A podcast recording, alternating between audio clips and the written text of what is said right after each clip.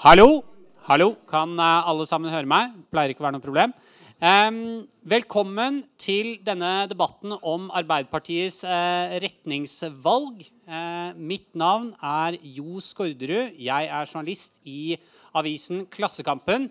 Og jeg skal lede oss gjennom denne panelsamtalen slash paneldebatten i regi av Trondheim Arbeiderparti og AUF i Trondheim.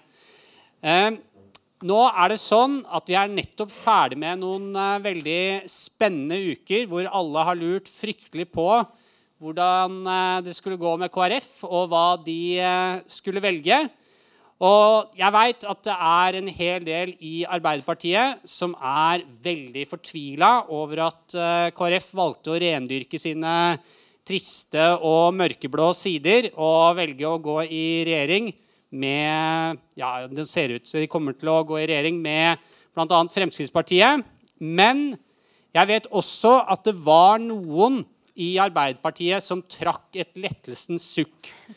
Fordi det er noen som er lei av at døra hele tiden skal stå på gløtt for Kristelig Folkeparti og gud forby eh, Venstre. Eh, og mener at Arbeiderpartiet bør styre landet på en tydelig venstresideplattform og ikke på forlik og kompromiss med borgerlige krefter. Eh, I dag skal vi diskutere hva Arbeiderpartiet bør gjøre nå. Eh, vi skal diskutere om det finnes et tydelig venstresideprosjekt. Hvem som eventuelt bør få være med i et sånt venstresideprosjekt. Og hvem er egentlig kreftene som skal drive fram et slikt prosjekt.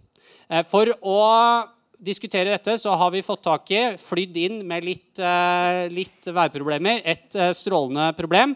Vi har fått Eva Kristin Hansen, som er tidligere stortingsrepresentant for Er stortingsrepresentant? Ja, selvfølgelig. Du er stortingsrepresentant. Jeg tenker, jeg tenker nei, Første visepresident på Stortinget og stortingsrepresentant i tillegg. Jeg tenker at Det er vanskelig å kombinere de jobbene, men det var, du, du, får til alt du får til. Så velkommen til deg. Eh, vi har fått Ina Libak, som er nyvalgt leder i AUF. Og for et perspektiv utenfra og representant for eh, kreftene til venstre for Arbeiderpartiet, så har vi fått Ragna Vorkinslien, som er bystyrerepresentant i Rødt i Trondheim. Eh, velkommen til dere. Jeg vil gi dem applaus. Før jeg slipper dem til, så skal jeg bare si veldig kort om opplegget. Nå skal vi ha samtale her oppe i type sånn 45 minutter. Og så kommer jeg til å slippe til publikum.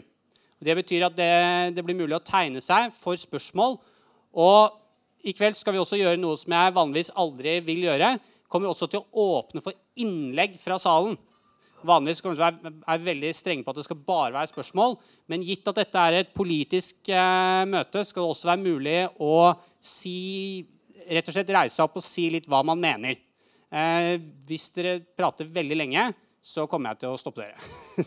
så hvis dere ser at jeg begynner å gjøre den bevegelsen her, så betyr det at eh, nå må du bli ferdig. Hvis jeg begynner å gjøre den her, da er det virkelig. Og hvis jeg tar mikrofonen, da burde du gå hjem og skamme deg. Eh, da, er ikke, da, da, er du ikke flink til å ta signaler. Eh, nødutgangene er den retning, og toalettene er der hvis det skulle oppstå akutte behov. Så da har dere fått all informasjonen dere trenger. Og med det så vil jeg starte med å spørre panelet, og vi starter med deg, Eva. Hva i all verden bør Arbeiderpartiet gjøre nå? Jeg tror det som blir viktig nå, er jo at uh, Jeg kan først si at jeg tilhører jo en av dem som dro et lettelsens sukk. Uh, fordi jeg tror at det har blitt krevende uh, å danne en ny regjering, selv om jeg syns synd på Knut Arild Hareide. så vi har en litt sånn underlig politisk situasjon nå. men det gjør jo at vi får et enda sterkere grunnlag for en blå politikk i Norge. og Det betyr at Arbeiderpartiet og egentlig hele venstresida i norsk politikk må kvesse klørne litt nå i tida fremover. Og for mitt eget parti sin del så tror jeg det handler om at vi må bare gå tilbake til dem vi er. Eh, og det er jo ikke sånn at eh, Arbeiderpartiet ikke har et definert prosjekt, men jeg tror at vi må kvesse klørne enda kraftigere mot den blå regjeringa som vi har. Vi må slå hardere ned på, privatisering. Vi må slå hardt ned på det de eventuelt kommer til å gjøre på innvandringspolitikken, for der er jeg bekymra. Jeg er redd for at vi blir lamma litt i miljøpolitikken. Eh, jeg tror at det er viktig at vi som parti i Arbeiderpartiet eh, går litt tilbake til de ideologiene våre, de grunnleggende verdiene våre om frihet, likhet og solidaritet, og tar utgangspunkt i det og har det i bakhodet alltid eh, når vi skal på en måte fremme vår politikk og tenke gjennom å ta syretesten. Tåle det i forhold til de prinsippene vi har. Og Jeg tilhører jo dem i Arbeiderpartiet som mener at vi burde ha hatt et nytt prinsipprogram Eh, det siste er vel fra 83 eller noe sånt. Eh, og at vi burde ha på en måte dratt opp virkelig hva vi er. Og det tror jeg vi vil ha godt av i Arbeiderpartiet, i tillegg til at vi skal drive en solid opposisjonspolitikk på Stortinget. Men jeg tror at pga. at den politiske situasjonen er sånn som den er nå, så tror jeg, jeg håper at venstresida kan samle seg litt mer og danne en samla opposisjon mot den regjeringa som vi har i dag. Eh, så jeg er egentlig optimist på vegne av venstresida i Norge. Og jeg tror at vi kan få en spennende tid som gjør at de går på et dundrende nederlag ved neste stortingsvalg.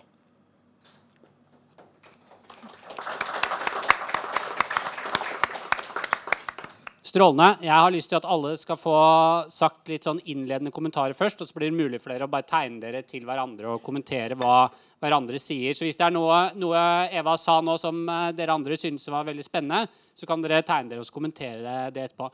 Men da tenker jeg vi skal gi ordet til deg, Ina. Hva, hva nå? ja, hva nå? Jeg kan jo svare på det som Eva svarte på. da, Hva jeg følte når eh, KrF eh, valg, tok sitt valg. Og alle her satt sikkert og fulgte med også. Det var jo en helt sånn sinnssyk situasjon de ukene her. At du satt og fulgte Ballangen KrF liksom, sitt medlemsmøte. Jo, men det var jo liksom, Media var jo blitt noe helt annet. Eh, på en måte fint, på en annen måte litt søkt, kanskje. Eh, men jeg var blant de som ikke dro et lettelsens sukk, fordi jeg synes det er veldig vanskelig å være letta over at Frp og Høyre skal styre i tre år til. hvis dere skjønner hva Jeg mener. Eh, jeg synes det er vanskelig, Særlig når man ser hva som blir forhandla om nå med abortloven. så tenker jeg sånn, dette er ikke bra for Norge. Eh, men for sosialdemokratiet på sikt så skal jeg innrømme at jeg trakk et lettelsens sukk. Hvis man tenker i et tiårsperspektiv fremover, så tror jeg ikke det hadde vært riktig å styre med KrF nå, med alle de vanskelighetene det hadde ført med seg, og hvis man skal rendyrke et prosjekt som folk kan tro på. da. Eh, og da tenker jeg det er noen ting vi eh, må gjøre i Arbeiderpartiet. Jeg tror det eh, Eva sier er veldig riktig om prinsipprogram. Det er en enkel ting man kan gjøre for å sette i gang en ideologisk prosess så man faktisk blir nødt til å diskutere prinsipper, ikke bare dag-til-dag-saker. Eh, og det tror jeg handler om det vi må gjøre nå. At vi må først begynne å se på problembeskrivelsene og gjøre det litt sånn skikkelig skikkelig. fordi ofte så har vi jo et bilde av at vi har alle de riktige tiltakene. Det er veldig lett å liksom spy tiltak hele tiden. Jeg gjør jo det sjøl i AUF òg. Ting som koster penger hele tida, kommer det nye ting. Eh, men at vi faktisk tar oss tid til å eh, gå i oss sjøl og tenke, og ikke bare oss sjøl, men helst liksom ut blant andre òg. Eh, og snakke om hvem er eh, Norge urettferdig for i 2018? Hvem skal vi være til for? Hva er urettferdigheten? Hvordan ser den ut? Eh, og når det på en måte er i boks, da, så må vi jo lage noen drømmer som folk kan tro på. Og helst ikke bare for to år eller ett år, men for ti år fremover. da. Og der har jo AUF sagt at for så burde det jo være en drøm for Arbeiderpartiet i Norge at om ti år så skal forskjellene i Norge være mindre, ikke større. Eh, det er jo en sånn drøm som vi burde ha. Og når folk sier ja, det er vanskelig å redusere forskjeller, ja, altså da er det bare å gi opp som parti. da, For det er jo liksom vært hovedgreia vår som parti og som sosialdemokrati. Det samme med klimaendringer. Folk sier ja, det kommer til å være vanskelig å være et fornybarsamfunn. I AUF så sier vi nei, om ti år så må vi være et fornybarsamfunn. Fordi alternativet er jo ikke til å leve med. Da har vi jo ikke løst klimakrisa. Eh, så lage de drømmene, litt sånn som USA gjorde, da, for å si det sånn. De sa jo bare sånn Vi skal til månen. Og så sa alle det går liksom ikke. Vi skal dit på ti år. Eh, og så klarte de det på ni.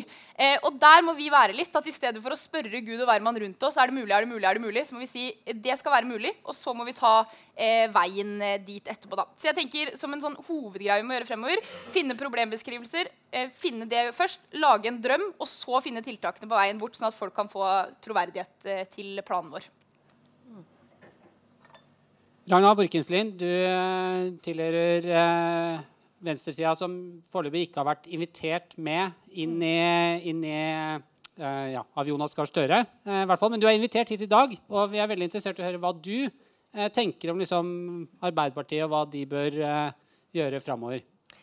Ja, nå er det jo veldig mye de her riktige lydene på en måte da, som, som kommer fra mine to panel, eh, de to paneldeltakerne som sitter her sammen med meg. Men jeg vil gjerne at vi kanskje hever denne diskusjonen vi skal ha i kveld, på et litt høyere nivå. Fordi at Hvis man på en måte bare skal sitte og diskutere sånn enkeltsaker eller hva syns vi om KrF akkurat nå, så er sånn, jeg syns ikke kanskje at det er det mest interessante på en måte nå. da. Um, og jeg tror det er sånn, Hovedtemaet her i kveld det er jo Arbeiderpartiet sitt retningsvalg. Og jeg opplever at det derfor er blitt invitert også, fordi at man lurer på liksom, hvordan vei skal vi gå framover. Og da har jeg tatt med den her, da. Fordi at den syns jeg var sykt morsom. For dere som ikke ser det. Det her er da bildet som var på arrangementet på Facebook. Her kan man da velge to veier. Tydelig venstreside eller forlik og kompromiss. Fordi alle sammen vet jo at man kan jo ikke ha forlik og kompromiss på venstresida. Det kan man jo bare ha i sentrum. Det her um, det er et, både et veldig sånn konkret og tydelig bilde, men det er også et veldig godt metaforisk bilde på det vi ser på da, som noe av utfordringa med Arbeiderpartiet i dag. Det er at man tenker at kompromiss og forlik og pragmatisme det foregår bare i sentrum. Trygg styring det er det viktigste, og det foregår bare i sentrum. Og Du sa noe i sted, jo, det her med å på en måte ha døra på gløtt til eh, KrF og Venstre og sånn. Eh, og her i Trondheim så har man jo ikke hatt døra på gløtt. Her i Trondheim så har jo døra stått vid åpen. Så her har jo Arbeiderpartiet gått inn i en koalisjon sammen med liksom, fagforeningsknuserne i, i, i, Venstre. Eh, og KrF og Pensjonistpartiet. Eh, men samtidig så har det tidligere ikke vært aktuelt for dem å samarbeide med Rødt. Og da syns jeg vi kan se litt på den herre Kan man argumentere for at et parti som konsekvent ønsker å stå i sentrum, som konsekvent velger partier som står i sentrum som samarbeidspartnere, som velger partier som står langt ut på høyresida, sånn som Venstre, eh, som samarbeidspartnere, så jeg vil jo nesten omformulere litt det spørsmålet da, som er i debatten. som på en måte er litt sånn, Hvordan skal venstresida i Arbeiderpartiet markere seg? Jeg vil egentlig spørre eh, hvor er venstresida i Arbeiderpartiet? Eh, hvor stor er den? Finnes den? Eh, fordi man kan gjerne tenke at man opplever seg sjøl som en del av venstresida i Arbeiderpartiet. Men medfører det at man egentlig står på venstresida i den norske politikken? Det er jeg ikke nødvendigvis så sikker på. Er det noen av dere som har lyst til å kommentere på hverandre? Vær så god, Eva. Jeg tror det var Ina først. Ja, Ina. Du kan gå først, Eva. Ja. Jeg, dere er så høflige. Da sier vi at Ina er først. Jeg bestemmer. Ja, um, ja, jeg syns det var et uh, interessant perspektiv. Ja. Det eneste jeg tenkte på med det der med å heve, heve diskusjonen og snakke om liksom, retningsvalget, så tror jeg bare at en farlig vei å gå da, når man har vært et parti som har ligget lavt på målingene og som ikke gjorde det så bra under valget, det er å liksom gnure seg til i egen krise. da, Og bare liksom snakke om egen krise. Uh, snakke om at her er det problemer. jeg tror det vi må gjøre nå, det er å begynne å snakke om politikk.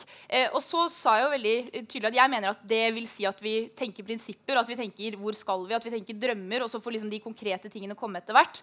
Eh, men jeg tror det er veien ut. fordi Arbeiderpartiet er jo et parti for folk. Vi er jo ikke et parti for oss sjøl. Og hvis vi begynner å gå oss vill i en sånn at vi driver og baler med oss sjøl i stedet for å eh, tegne opp hvor vi skal for samfunnet, så tror jeg det er veldig, veldig skadelig. Eh, og der tror jeg bare eh, at en god prinsippdiskusjon kunne gjort seg, eh, hvor man ikke bare diskuterer samarbeid heller, men hvor man snakker om hvor vi skal som parti. da. Eh, fordi ja, En sånn evig diskusjon både om oss sjøl og samarbeid det tror jeg kan føre galt av sted og fjerne oss fra den politikken og de folka vi egentlig er til for?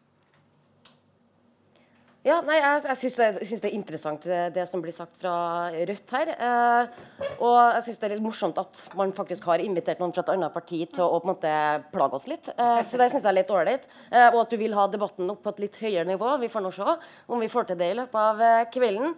Eh, men min umiddelbare greie med det med venstresida i Arbeiderpartiet For det er noe folk gjerne på utsida av Arbeiderpartiet er veldig opptatt av. Vi som er i Arbeiderpartiet, vi er i Arbeiderpartiet. Eh, og så på en måte, hva er venstresida i Arbeiderpartiet? Tidligere har det vært brukt på en måte, hvilket standpunkt man tok under EU-kampen. Liksom Ja-folkene lå til høyre, og nei-folkene lå til venstre.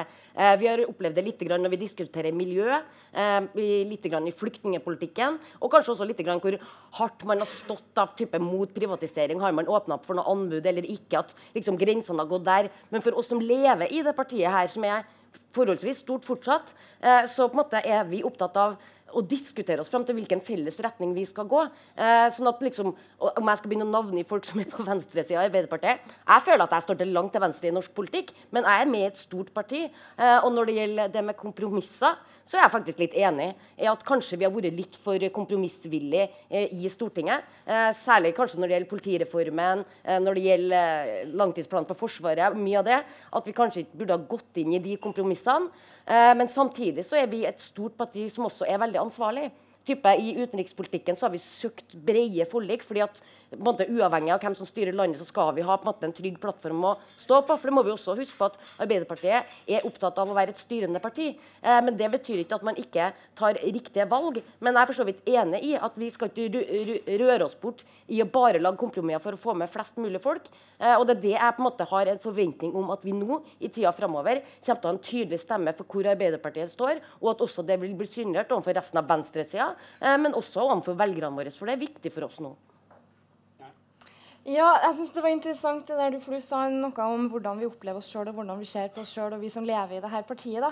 Eh, og det var jo liksom, Du sa også det med at jeg har blitt invitert hit. Jeg, ble, må jo si at Når man sitter i sånne debatter, så sier man jo alltid sånn 'Tusen takk for invitasjonen', det er veldig stas å være her. og sånn. Eh, og det er jo stort sett det. Men i kveld så er jeg liksom, det er faktisk litt mer oppriktig i kveld. da. Eh, fordi at når jeg ble invitert hit, så ble jeg veldig overraska. Eh, for det hadde jeg ikke trodd.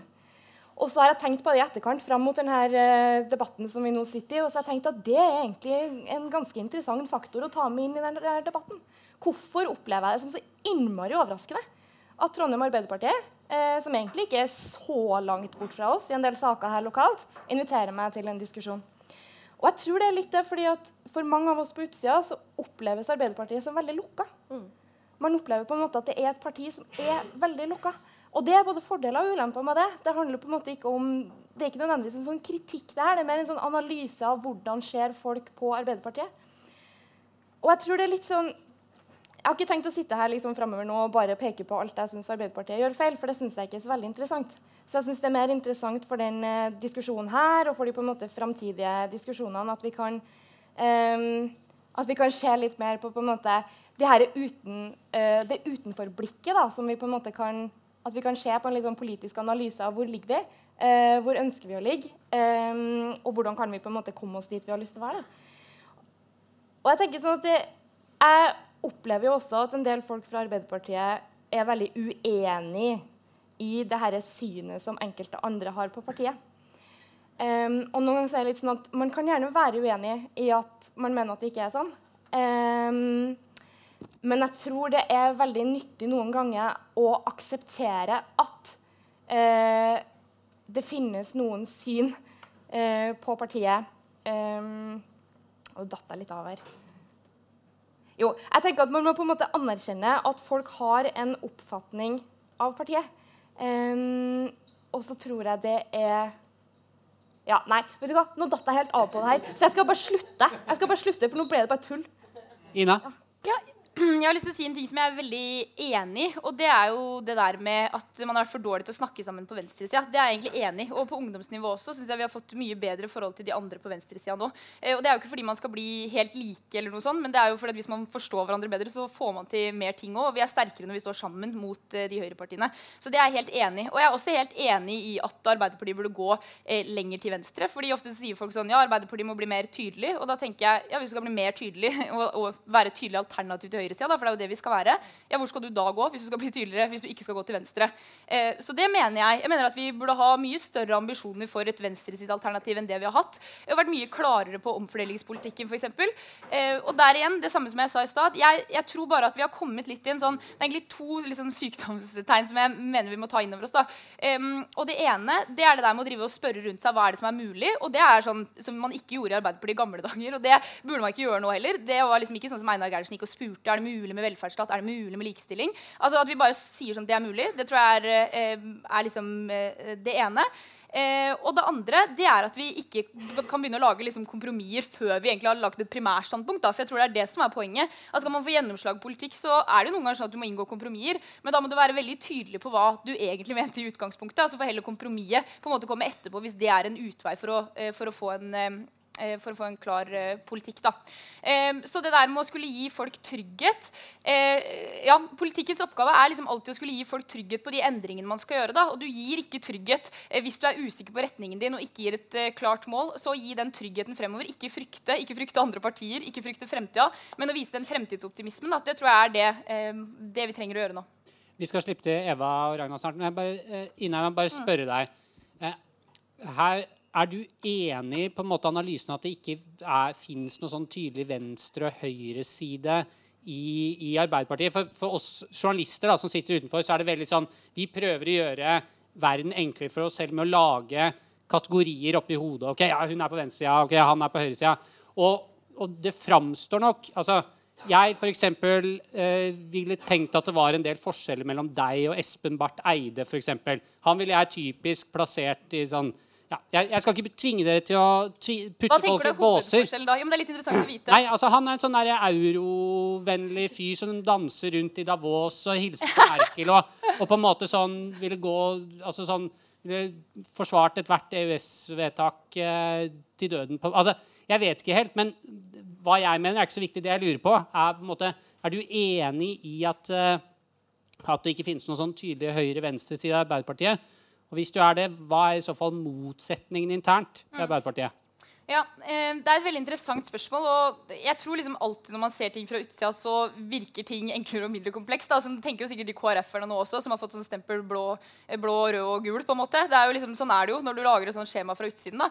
Jeg tenker, det er, jo, det er jo saker som skiller oss i Arbeiderpartiet. og Særlig når man er så stort parti, så vil det jo skille seg på EU, det vil skille seg på noen utenriksting, det vil skille seg på asyl. Det jeg på en måte ikke kjenner meg igjen i, det er at det er helt sånne klare skillelinjer. Eh, fordi det er jo en for Hvis man tar asylpolitikk, som, eh, som dere ofte liksom har skrevet om også, da, eh, så tror jeg ikke det er en klar venstre- og høyreside, fordi det temaet er såpass komplekst at noen er enige om noe, og så er det noen som eh, vil gå veldig langt på noe. Eh, man er uenig på noen integreringstiltak. altså Det er så komplekse de sakene at å skille en sånn høyre-venstre-side er liksom ikke eh, helt riktig. Men selvfølgelig er det det på noen store saker. Så skiller man jo lag, liksom, f.eks. på sikkert synet på, eh, på EU-medlemskap og på en del andre sånne store spørsmål. da. Eva? Eh, du, jeg skal ikke tvinge deg heller til å på en måte putte noen i noe høyre-venstre-bås, men hvis du kunne sagt noe om, om motsetninger, eh, om ting man kanskje er uenig om internt, som kunne gjort meg klokere, så, så hadde det vært fint. Og så også det du ellers hadde tenkt, å, det du tegna deg for å si. Ja, nå ble det egentlig litt, uh, bare sånn, sånn artig at du som liksom, motsetninga mellom Espen Barth Eide og Ina. Uh, for, for, oss som lever i, for i Arbeiderpartiets Partiets stortingsgruppe, da, så vet jo jeg at Espen Barth Eide er den som er mest på lag med Ina i miljøpolitikken i hele stortingsgruppa. Som er så progressiv og så knallhard i forhold til de prioriteringene vi skal gjøre for å få ned eh, klimagassutslippene. Som tør å prate om den rosa elefanten i rommet, om at vi kan ikke drive på som før. Vi kan ikke pumpe opp olje og gass i det tempoet her. Han sier det, og det tror jeg kanskje ting folk ikke vet om den. da. Sånn at igjen da, Hvordan vi liksom lager, liksom putter folk litt uh, i båser. Eh, men selvsagt så har vi uenigheter i Arbeiderpartiet. Vi er et stort parti. Eh, og i de senere årene så vil jeg jo si at der det har vært litt sånn tøffe motsetninger, både på landsmøtene eh, og ellers, har jo gått mye på flyktningpolitikken. Det legger vi jo ikke skjul på at det har vært mye uenigheter. Men som Ina også sier, ofte så liksom går folk litt sånn på kryss og tvers. Men der har det vært noen tøffe dragkamper. Når vi diskuterte oktoberbarna, det var det skal jeg være så ærlig her å si at det er en av de tøffeste rundene vi har hatt i stortingsgruppa i Arbeiderpartiet så lenge jeg har sittet på Stortinget. Eh, og hvor jeg sjøl liksom ble emosjonell fordi at det betydde så mye for meg. Eh, og også miljøsaken har vi på en måte LoVC, Lofoten, eh, Vesterålen, eh, vært ganske knallharde motsetninger. Men det er vi vant til å leve med. Og så er det en annen ting som ble sagt her om at vi oppfattes som et veldig lukka parti. Og det tror jeg egentlig litt sånn at det er en sånn gammel tradisjon som henger igjen litt. At vi liksom beholder oss litt for oss sjøl, og vi er vant til å styre, og vi skal bestemme hvem vi vil ha med eh, på laget. liksom Hvem liksom bare peker ut. Og har en litt sånn dårlig tradisjon på det. Eh, jeg mener at vi endra det litt med det rød-grønne samarbeidet, hvor vi virkelig gikk sammen om at nå kan ikke jeg, liksom, vi kan ikke ta den gjengen her til å styre landet. Eh, nå må vi eh, stå sammen. Og det har jeg sånn et ønske om eh, at vi skal bli flinkere på venstresida. For jeg opplever, hvis jeg skal ta Rødt, da, som alltid skal kritisere Arbeiderpartiet eh, Hvis jeg er på møter i en valgkamp her, eh, så kommer enten du eller en Arne Byrkjeflot og skal kritisere det jeg sier, uansett. Eh, om det er egentlig bra ting jeg sier, fordi man skal alltid gå lenger. Eh, ja, men jeg, bare må være, jeg, må, jeg må være, helt, jeg være helt ærlig i en diskusjon her. Og at det oppleves litt kjipt når jeg vet at vi egentlig ikke står så langt fra hverandre. Hvorfor kan vi ikke prøve å samle oss om det som vi er enige om? Eh, og det samme i forhold til SV. Vi samarbeider kjempegodt med SV på Stortinget, men av og til så skal man liksom trekke seg fra hverandre. Og det handler jo selvsagt om at vi også er konkurrenter. Eh, vi er jo konkurrerende partier, men i en del viktige spørsmål så burde vi klart å stå sammen. Ikke minst for å hindre den utviklinga vi har av det landet her. Ja, det er ikke første gangen jeg hører akkurat det her fra Arbeiderpartiet. Det her hører jeg med ujevne mellomrom fra flere ulike representanter fra Arbeiderpartiet. Der det på en måte er en sånn, det er nesten sånn at vi skal ha dårlig samvittighet for at vi kritiserer Arbeiderpartiet. Vi som er et helt annet parti, eh, som opplever i hvert fall selv at vi står ganske langt fra Arbeiderpartiet. For det er noe med å se seg selv utenfra igjen og forstå hvordan perspektiver man har på politikk. Sånn, I mitt perspektiv så er jo Arbeiderpartiet et sentrumsparti. Jeg ser på Arbeiderpartiet som et sentrumsparti. Det, det, er liksom, det er sånn, sånn mitt hode er. Eh, og så, har du, og så vet jeg jo at noen fra Arbeiderpartiet for eksempel, ser jo på Rødt som et sånn ekstremt eh, fløyparti. Sant, ja? Som er så langt uti der at du på en måte nesten ikke kan se det engang. Det er jo ikke mitt perspektiv. Jeg opplever jo at vi er et helt ordinært sosialistisk parti. At det ikke er så stor, ja, men at det ikke er så stor, liksom, vi er ikke så langt uti der. Sant, ja? Så det handler noe om å se seg sjøl litt utenfra òg. Og vi har ikke et ansvar for å ikke kritisere Arbeiderpartiet når vi er uenige med ting dere foreslår eller ting dere gjør. På samme måte som at vi har ikke et ansvar for å ikke kritisere MDG eller å ikke kritisere Høyre. Det er ikke sånn at Arbeiderpartiet er freda fra kritikk fra andre partier eh, som har helt andre holdninger til akkurat de sakene dere får kritikk for, bare fordi at det finnes ei høyreside som på en måte er litt verre. Det er en sånn dårlig argumentasjon som jeg, jeg blir litt sånn irritert, for jeg er litt lei av det. Og da tenker Jeg at det er litt sånn at det, ja, jeg tror vi skal gå videre, egentlig. For det jeg egentlig ville si, det jeg tegna meg til, var egentlig det helt annet. Det var det du sa i sted. Eh, du snakka om det her med at først må man ha en tydelig politikk før man kan begynne å finne samarbeid og kompromiss. og sånn. Og når du sa det, så fikk du det nesten litt til å høres ut som at Arbeiderpartiet på en måte ikke har noe tydelig forankring eller ikke har noe ordentlig program per dags dato. Og det er, jo, det er jo langt ifra virkeligheten. Eh, det tror jeg alle som er her, vet. Sånn at Arbeiderpartiet har jo en tydelig forankra politikk. Man har en tydelig forankra sosialdemokratisk politikk som har bygd seg opp over, over kjempelang tid. Um, sånn at det er jo ikke mangelen på politikk som gjør at det er utfordrende for Arbeiderpartiet å gå inn i et mer forpliktende samarbeid lenger ut på venstresida. Det er jo viljen, ikke det at man mangler programmet. Og det er jo sånn, bare For å ta ett eksempel her lokalt, da, for, jo, men det er for at det er sykt relevant. Eh, I bystyret her i Trondheim så har vi foreslått Arbeiderpartiet sine valgløfter, og så har de stemt imot. Og det er liksom en sånn type greier. Og her i bystyret så har Rødt, SV og Arbeiderpartiet flertall. Sånn at hvis man hadde ønska et tydelig venstresidesamarbeid istedenfor et sentrumssamarbeid, så har man kunnet hatt det. Så det handler ikke om at man ikke har politikken, det handler om at man ikke har viljen. Begge to har tegnet seg. Skal vi starte med Ina? Tusen takk. Ja, når det gjelder det at vi har politikk, så er jeg enig i at vi har en klar politikk. Men eh, jeg syns at eh, det er mye bra i Arbeiderpartiets program. Men jeg tror på noen punkter så har vi blitt eh, for ansvarlige, og at ting går for sakte. da. Og når man snakker om liksom høyre- og venstreside, så er det jo også en forskjell på, i, i, Arbeiderpartiet på at mange har mye av de samme drømmene, men at noen av oss kanskje vil at vi skal gjøre det litt raskere, eller liksom drømme enda litt større. da. Eh, og det er jo en ting som, som, jeg tenker at vi kunne hatt større ambisjoner. Vi kunne flytta enda mer penger, vi kunne gjort enda større grep. da. Eh, og det vil ikke si at jeg ikke er fornøyd med politikken i dag, men at jeg tror man kunne fått en tydelighet der. At man kunne gått enda hardere eh, mot eh, kommersielle aktører, f.eks. At man kunne gjeninnført eh, skatt på arv. En del sånne ting som kunne vært, gjort politikken vår enda mer rendyrka, som kunne skapt mer rettferdighet. Da. Så det handler om det.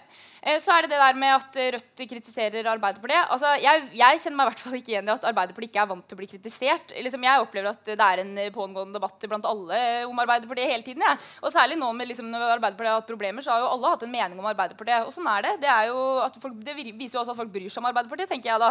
At også folk i Rødt er nok litt redd innerst inne for at Arbeiderpartiet skal gå dukken. For da tror jeg det er litt dårlig for venstresida samla sett. Og man ser at eh, kanskje man trengte Arbeiderpartiet litt likevel hvis Arbeiderpartiet hadde gått uh, nedenom og hjem. Eh, men når det er sagt, så handler det jo ikke om at det ikke er lov å kritisere Arbeiderpartiet.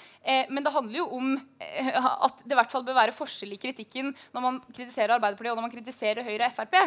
og der jeg skal være raskere, men der opplever jeg at i det siste så har man fått til et bedre samarbeid hvor man har kritisert Arbeiderpartiet og vist de forskjellene innad på venstresida, men man har likevel vist at hovedfienden i politikken og den retninga man virkelig ikke ønsker, det er Frp og Høyre. For Problemet er hvis venstresida sitter samla sett og bare hakker på hverandre, og så går Frp og Høyre helt fri med alt det de mener, og man får ikke til noen skillelinjer i det hele tatt. Det tror jeg blir uforståelig for folk. Og jeg tror også at det ikke gir mening når folk i Rødt sitter og klager mer på Arbeiderpartiet enn man klager på Høyre, fordi folk tenker oi, er det nesten verre enn høyresida? Jeg tror ikke det er noe man kjenner seg igjen i.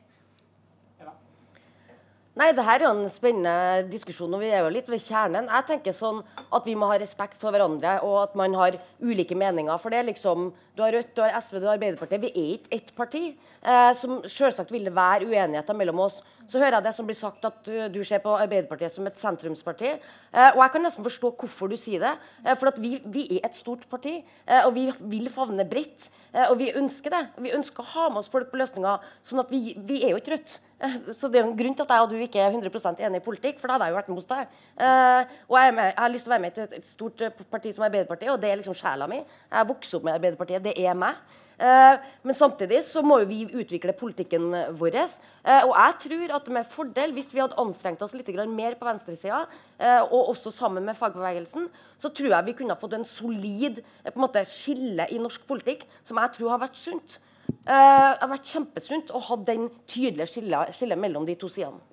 Ok, men Da har jeg lyst til å utfordre litt. fordi finnes det her, her, opplever jeg sånn, det er et felles ønske om på en måte at eh, makta skal ligge til venstre, ikke, ikke sånn sammen med KrF, men, men til venstre, godt, godt, til venstre for KrF. Men finnes det på en måte noe felles prosjekt eh, som og da, da, tenker jeg saker, områder som man kunne bygd et slags sånn venstresideprosjekt som kunne styrt landet eh, nå, nå, tenker jeg Drit i sånne regjeringskonstellasjoner, og sånt nå, men på en måte sånn saker som vi kunne bygd opp et flertall i den norske befolkningen rundt, som kunne vært sånn Stem på dette prosjektet, så vil vi gi dere det her.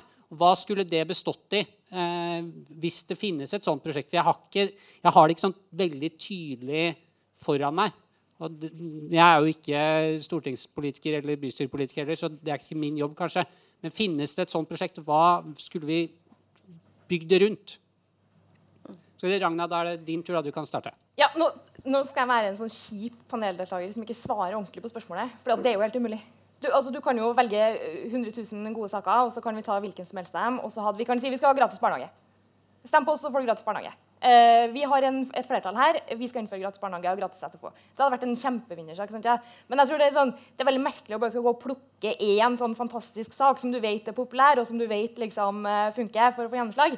Så jeg vil egentlig komme med en kommentar til deg, Ina, som du sa i sted. for det her med at, uh, at vi liksom, på det her med at vi kritiserer Arbeiderpartiet, og kanskje vi plutselig oppdager at vi trenger Arbeiderpartiet likevel. Vi har jo sagt at vi trenger Arbeiderpartiet.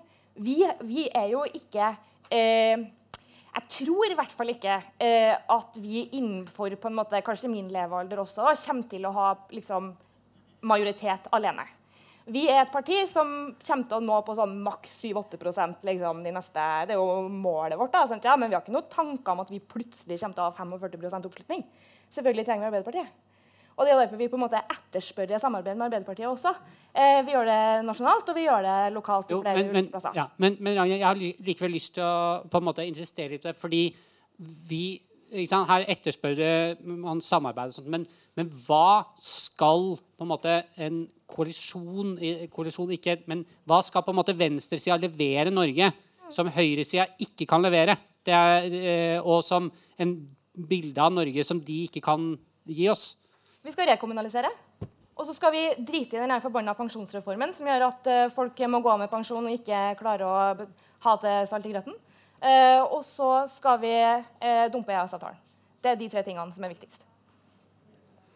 Ja, jeg har lyst til å si to ting. Um, det ene, og det høres kanskje litt sånn far off, så jeg skal si det først. og så skal jeg forklare det litt etterpå. Og Det er at uh, det er én av tre unge som er bekymra for fremtida i dag og tenker at uh, fremtida ikke ser lys ut. At de ikke har noe trygghet på at de får jobb, ikke noe trygghet på bolig. Uh, så det er å ha et mål om at om ti år så skal ungdomsgenerasjonen se lyst på fremtida og føle seg bra nok som de er, og tenke at livet blir bra for de. Og det er en ting som er i kjernen av det venstresida skal være for folk. da, De som gir trygghet og viser vi skal styre til en sånn retning. Og da utgår det jo mange ting ut fra det. Da må man regulere et boligmarked som er helt håpløst, hvor folk ikke kommer inn på boligmarkedet, og det sitter rike investorer og, eh, og tjener seg styrtrike på unge leietagere som ikke kommer seg inn på eh, boligmarkedet i det hele tatt. Eh, og da må man sørge for at alle får jobb. Pensjon nevnte du. De tingene går liksom ut fra det. da. Men å ha en ungdomsgenerasjon som tør å se lyst på fremtiden om ti år, er det ene. Det andre er jo egentlig liksom en nødvendighet, da, og det er at, at vi må ha en klimapolitikk hvor vi blir et fornybarsamfunn samtidig som vi holder folk i jobb. og der er det jo et rom for venstresida som vi er nødt til å ta. fordi hvis ikke kan Man ende opp med man kan ende opp med egentlig to ting. da. Det ene er jo at man ikke ender opp med noe klimapolitikk i det hele tatt. At Norge fortsetter å være en sinke. og Det er jeg veldig redd for nå. for det er jo sånn det ser ut akkurat nå. Eh, og så er det den andre som kan skje. da, Det er at noen styrer klimapolitikken som ikke syns jobb er så viktig. Det er jeg også bekymra for. Eh, og at man ikke lager en omstillingsplan for alle de som jobber i olje og gass i dag. Eh, det er jo det som er i ferd med å skje. egentlig, At man bare lukker øynene og tenker å, alle skal jobbe i olja kjempelenge. Eh, og så om ti år så sitter vi der, og så blir det massearbeidsløshet fordi Norge har bundet all økonomien sin opp på olje og gass som vi ikke får solgt, for det er ikke lønnsomt mer. Eh, og all kompetansen vår ligger i det.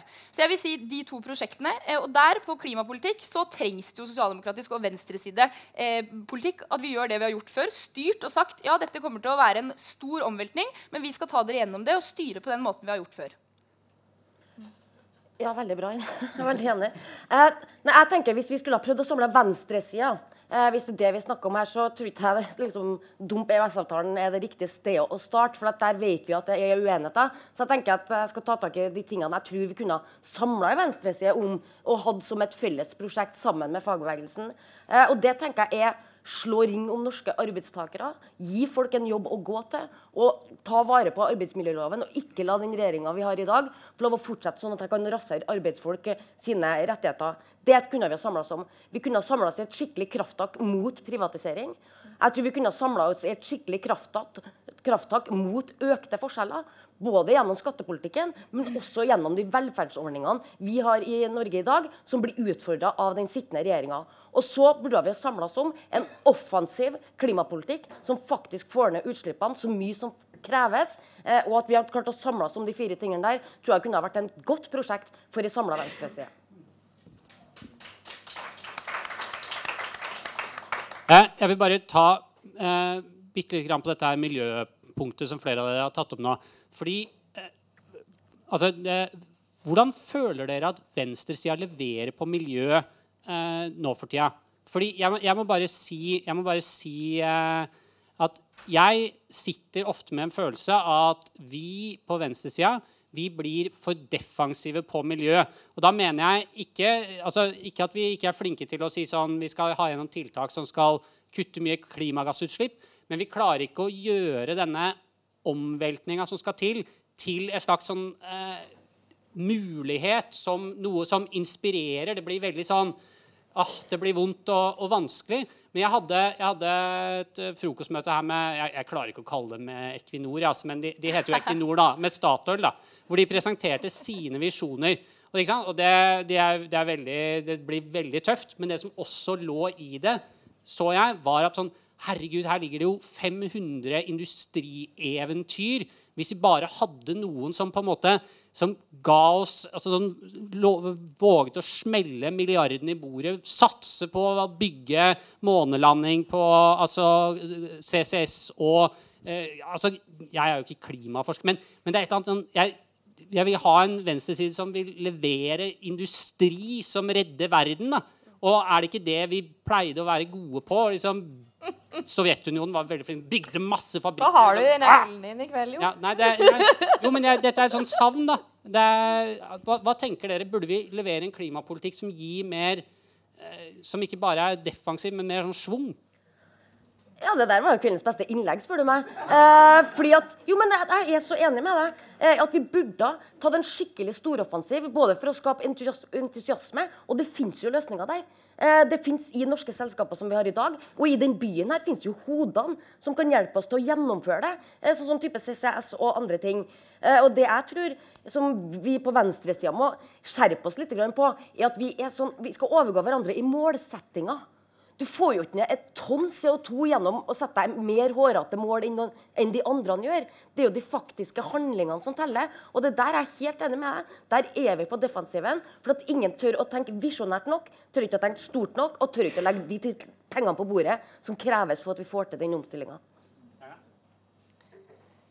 Ja Kan jeg bare komme sånn For nå syns Jeg må bare si det. Jeg syns liksom at debatten nå blir veldig sånn her eh, eh valg, paneldebatt, der vi på en måte er veldig sånn på og skal skyte ut på en måte alle argumentene vi har, og så er det litt sånn lite Ekte engasjement. Så, ja, ja, nei, men jeg, jeg, skjønner det jeg skjønner det kjempegodt. Jeg, jeg kan liksom gå i den modusen sjøl, men jeg bare tenker at det er sånn for meg i hvert fall her nå, så er jo det veldig lite interessant på en måte da, å sitte her og på en måte være sånn Nå, det her vil Rødt gjøre, osv. osv. Det er liksom et sånn aspekt her, fordi at jeg er helt enig med deg. Det var liksom sånn, akkurat det du sa nå, jeg er helt enig. Akkurat det innlegget du holdt i sted, jeg er helt enig med det også.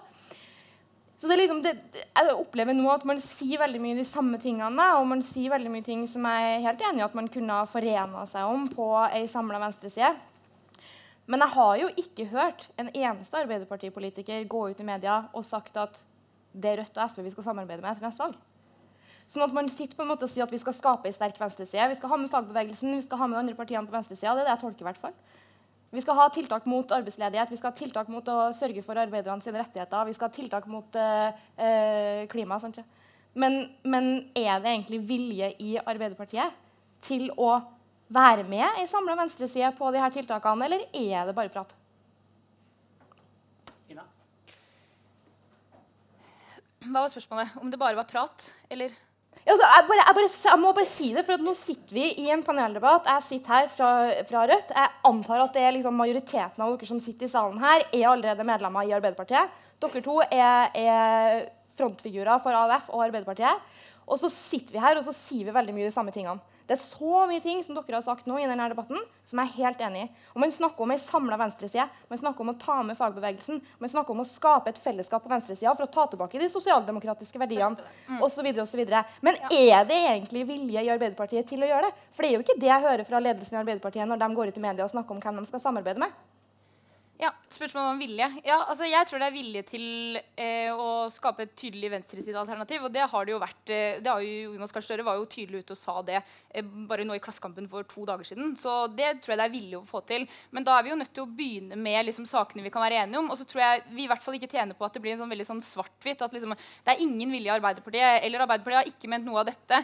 Eh, altså Ting er som regel liksom mer komplekst enn det. Og det jeg og Eva sier nå, mye av det mener jo Arbeiderpartiet. Og så er det noen av de tingene som i den panelsamtalen her som vi eh, lufter som tanker da, når vi diskuterer venstresidealternativ. Og som, ja, nå har vi jo liksom tapt et valg, og det stortingsprogrammet må vi jo liksom se på på nytt for å få ny tillit. da, fordi velgerne ga oss jo ikke tillit. Så det er jo det, liksom den fasen eh, vi er i. og Da tror jeg bare det er litt viktig å ha liksom ting i eh, litt riktig rekkefølge. Og når det gjelder klima, Um, så er jeg egentlig akkurat der så tenker jeg at, eh, at jeg er litt sånn enig med Eva at ofte syns jeg det mangler litt på eh, målsettinger. Men på klima så mangler det egentlig ikke målsettinger. Men jeg tror kanskje vi har litt glemt de eh, virkemidlene vi er vant til å bruke på venstresida. føler jeg mer er problemet der.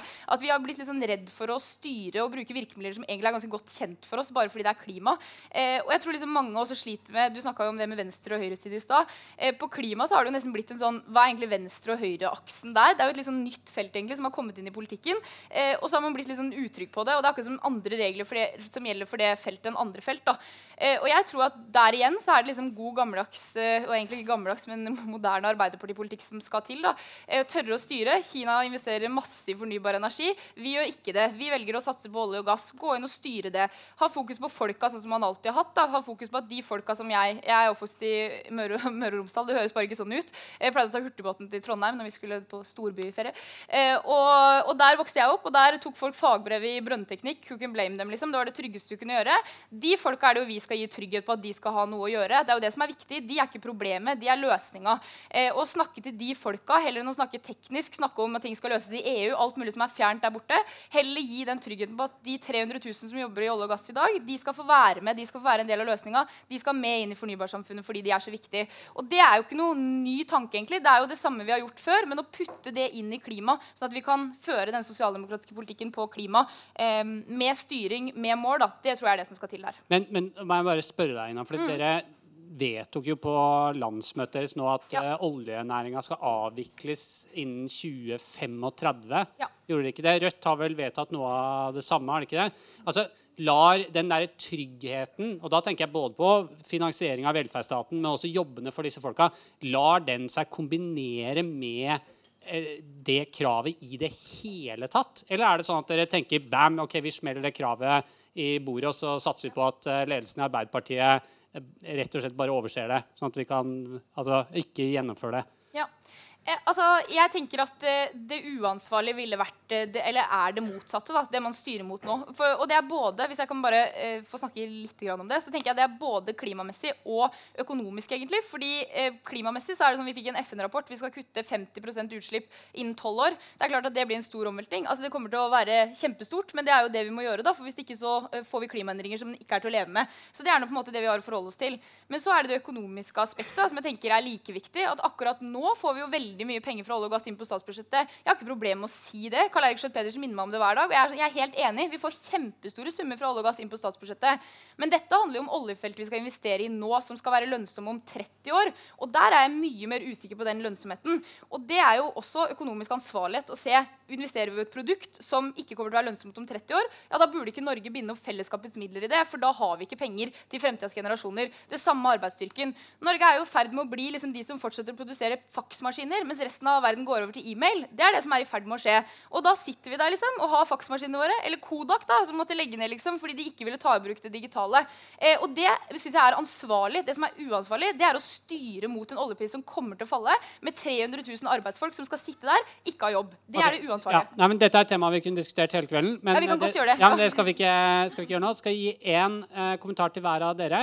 Ragna og så Eva. Og så eh, tenker jeg vi åpner for publikum. Nå skal jeg bare ta en, Før jeg slipper til Ragna, så skal jeg bare ta en test. Hvem i publikum er det som allerede nå veit at de har et spørsmål slash innlegg? Jeg har én, to tre, fire, fem. ok, da er vi godt i gang. Eh, da, da, skal vi slippe til publikum, ja. Ok, Ragna og Eva. Jeg opplevde jo egentlig ikke at, at det sklidde litt ut her nå. At vi begynte å snakke om noe helt annet. Men det var interessant det du sa. fordi at det du sa nå, er den samme argumentasjonen som Rødt bruker, og den samme argumentasjonen som SV bruker. Og du sa at Rødt har tilsvarende i programmet. Det har SV også. Um, og det var jo det som var litt poenget mitt i sted. At her har vi tre partier. Vi har tre partier på venstresida. Vi har en fagbevegelse der en stor del av fagbevegelsen har mye de samme prinsippene som vi på en måte kan komme til enighet om. da. Hvorfor er det da sånn at Arbeiderpartiet ikke snakker om å samarbeide på venstresida, men snakker om å samarbeide i sentrum? Og Det fikk jeg jo egentlig ikke noe svar på. Og jeg opplever jo kanskje at det er mer den diskusjonen vi er i i dag, da, enn på en måte hvordan skal vi løse klimakrisa. Selv om det er interessant, men på en måte, vi kan på en måte bli sånn enige om at vi er enige her om at vi må løse klimakrisa innen forholdsvis kort tid, og at vi er villige til å sette inn ganske heftige virkemidler for å få det til. Hvorfor kan vi ikke da samarbeide om det? Jeg tror at det er vilje i Arbeiderpartiet til å bygge opp et sterkt alternativ på venstresida i norsk politikk. Men jeg tror også vi skal være så ærlige og innrømme at tillit er noe som man bygger over tid. Eh, når vi fikk det rød-grønne prosjektet, når vi gikk inn i den rød-grønne regjeringa, så hadde man liksom jobba sammen i en del år i forkant nettopp for å bygge tillit, for å skape den tryggheten som gjorde at man både laga visjoner og drømmer, men også fant ut at dette kan vi samarbeide om. Eh, å putte meg og deg rundt samme regjeringsbord, det, jeg vet ikke om det er det beste for landet. Eh, selv om vi er enige om mange saker. men skulle, sånn, Du hører jo litt tonen mellom oss. Så det må jo bygges litt tillit også. sånn at Hvis, hvis partiene på venstresida, inkludert Rødt, eh, er, på en måte, har lyst til å være med i en konstruktiv dialog, eh, så kan vi være enige om å være uenige i en del saker. Det opplevde vi masse under det, det rød-grønne regjeringa. Eh, at, at, vi var uenige internt der. Men vi må ha tillit til hverandre, at vi vil hverandre vel, og at vi ønsker å peke en god retning for landet. Så får vi ta de uenighetene som vi har imellom oss, og leve med dem, men at vi bygger det over tid.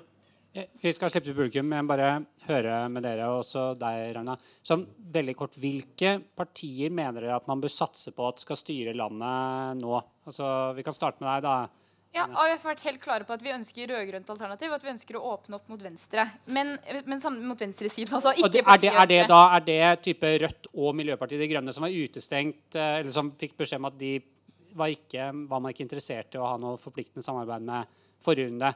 Altså, ja. Er de inkludert? Miljøpartiet er jo litt sånn i Altså For AUF så tror vi at liksom både Rødt og Miljøpartiet De Grønne har veldig positive ting som vi kan samarbeide med. Men jeg er jo veldig enig med det Eva sier. da, at Hvis det for blir et ultimatum Det er jo veldig vanskelig å sitte og si ja til samarbeid før de i har forhandla. Blir det et ultimatum fra Rødt for eksempel, på ut av EØS, så er det jo liksom ikke mulig å få en enighet om det. liksom. Og det er jo der vi må være såpass ærlige. Da at da må man jo først finne ut liksom de sakene. Eh, man kan jo ikke på en måte først være sånn kjempe for samarbeid. Det kommer jo helt an på samarbeidsformen. Eh, hva Stiller man, stiller man ultimatum på fem saker? Da er det kjempevanskelig å liksom. Det kommer jo an på de type tingene. Eh, skal vi se, Eva Sørang. Ja, nei, jeg, jeg, tilhører jo dem som tror det egentlig det ikke var så veldig lurt å si, eller sånn, å si at man ikke vil samarbeide med MDG og ikke vil samarbeide med Rødt. Uh, fordi at det tror jeg på veldig mange områder ville ha vært naturlige samarbeidspartnere for oss. Uh, men for Arbeiderpartiets del så har det jo alltid vært uh, sånn med forrige valg òg, liksom, Primært var det det rød-grønne. og så har vi til og med kommet opp i det absurde hvor man liksom skulle begynne å ta stilling til KrF. Eh, som på en måte, de fridde oss uten at vi hadde bedt om det. på en måte, eh, Som var, ble litt sånn snål situasjon å være i. Eh, for det var ikke noe sånn aktivt valg fra Arbeiderpartiets side, men det var jo dem som uh, delte seg i to. Jo, jo men, altså, men man, har jo, man har jo fridd til Kristelig Folkeparti før, da, så hele agenda er jo laga litt for å Halvdårlig frieri, vil jeg si. da. Ja, okay. uh, men uansett, da, jeg tror at, at, vi står oss på å være åpne uh, på samarbeid med hele venstresida i norsk politikk. Uh, og vi har jo jeg vil si, vi har et godt samarbeid med Bjørnar på Stortinget, f.eks. Uh, sånn at det er jo ikke noe du skal, liksom, å, å si, Være ekskluderende i utgangspunktet tror jeg er veldig uklokt. Men alle vet at for oss trives vi veldig godt i det rød-grønne samarbeidet. Men vi kan godt få flere venner. Det er jo ikke noen tvil om at etter neste valg så vil jo vi alle som sitter rundt det bordet her, at vi skal ha en uh, statsminister fra Arbeiderpartiet. Det kan vi være enige om. Uh, og det er jo på en måte, og jeg skjønner hva du sier, men det blir, det blir jo på et veldig sånn teknisk nivå. da, At der, vi må se i forhandlingene, og kanskje man kommer med ultimatum. og Det er på en måte ikke det jeg prøver å kommunisere her. Det jeg snakker om, er at man skal snakke om en retning. Det handler om retningen. Hvordan, hvordan ideologi er det, man, er det man, eh, bygger partiet sitt på? Hvordan, hvordan, ideologi, hvordan retning er det vi vil at det landet her skal gå i? Og da blir jo selvfølgelig sånne som meg da, litt sånn skuffa. Og jeg tror det er en, liksom, noen sånne old school sosialdemokrater som har vært medlem i Arbeiderpartiet lenge, som også blir litt skuffa når Arbeiderpartiet på en måte går ut nasjonalt og er veldig sånn Venstre? Kanskje OK? Vi kan se litt på Venstre. De er liksom Ja, kanskje greit. Rødt? Nei, uaktuelt. Um, så det er liksom noe med å på en måte se hvordan kommuniserer man. Det er jo ingen som påstår at man nå skal sitte her og være sånn, ja, vi skal ha et forpliktende samarbeid uansett hva man skal mene om hva som helst. Det er jo ingen som mener, sånn foregår jo ikke i politikken. Men det handler om hvordan kommuniserer man om hverandre. Og jeg mener jo selvfølgelig at det er sånn, etter neste valg det hadde vært interessant for Rødt å gå inn i forhandlinger. Det, det mener jeg. Og det har vi ment både nasjonalt og, og lokalt. Eh, og så ønsker vi at det skal være en Arbeiderparti-statsminister. Men Rødt har sagt at de ikke ønsker å gå i regjering eh, den, eh, altså nå, nå, i neste periode. Mm. For å Ja. Kan du, kan du, bare si bitte litt om hvorfor det? Jeg personlig tror at vi ikke er klar for det. Vi er et ti år ungt parti. Nå har vi fått vår første stortingsrepresentant. Uh, og jeg tror det er ikke noe å legge skjul på at vi er et ungt parti. Vi er et nytt parti. Vi er et parti som er i enorm utvikling. Uh, og vi har helt andre forutsetninger enn sånn som SV, for eksempel, som har vært en del av dette apparatet over lengre tid. Men det betyr ikke at vi ikke kan være en samarbeidspartner. Og der mener jeg på en måte det går an for Arbeiderpartiet og SV å gå ut og på en måte være sånn Rødt er en aktuell samarbeidspartner. Det er noen vi på en måte kan, kan ha et teknisk samarbeid med. Det er noen vi ser på som en naturlig alliansepartner. Uten at det betyr at vi skal forplikte oss til å gå inn i et budsjettsamarbeid der vi skal ha masse vetorett. Ja, det er ikke det det handler om. Men det handler om å akseptere at Rødt på en måte ser på Rødt som, som en sånn, ja, naturlig alliansepartner, og ikke som noen som står så innmari langt unna at vi ikke kan snakke med dem i hele tatt. Eh, nei, det, nå, dere skal få si mer etterpå. Men uh, da åpner vi for publikum. Skal vi se. Da skal alle som rakk opp hånden i stad, skal rekke opp hånden igjen. Vi starter med deg i blå skjorte her. Ja, jeg tenkte bare å spørre dere i Arbeiderpartiet først. Um, hva, hva, APs, e, egentlig, hva, hva, er det som er Aps forhold til nasjonalstaten og underforstått EU, eh, nyliberalisme og innvandring? Så alle som har tenkt å være her til eller?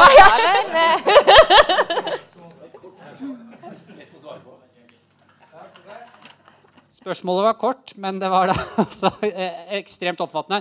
Dere blir nødt til å fatte dere i ekstrem korthet på, på dette. Eva? Ja, Det var jo et helt, eh, det krever jo et foredrag hvis man skal begynne å svare ut alt det der. Men jeg, hvis jeg oppfatter deg riktig, så spør du litt om eh, hvordan vi ser oss sjøl i forhold til Europa, bl.a.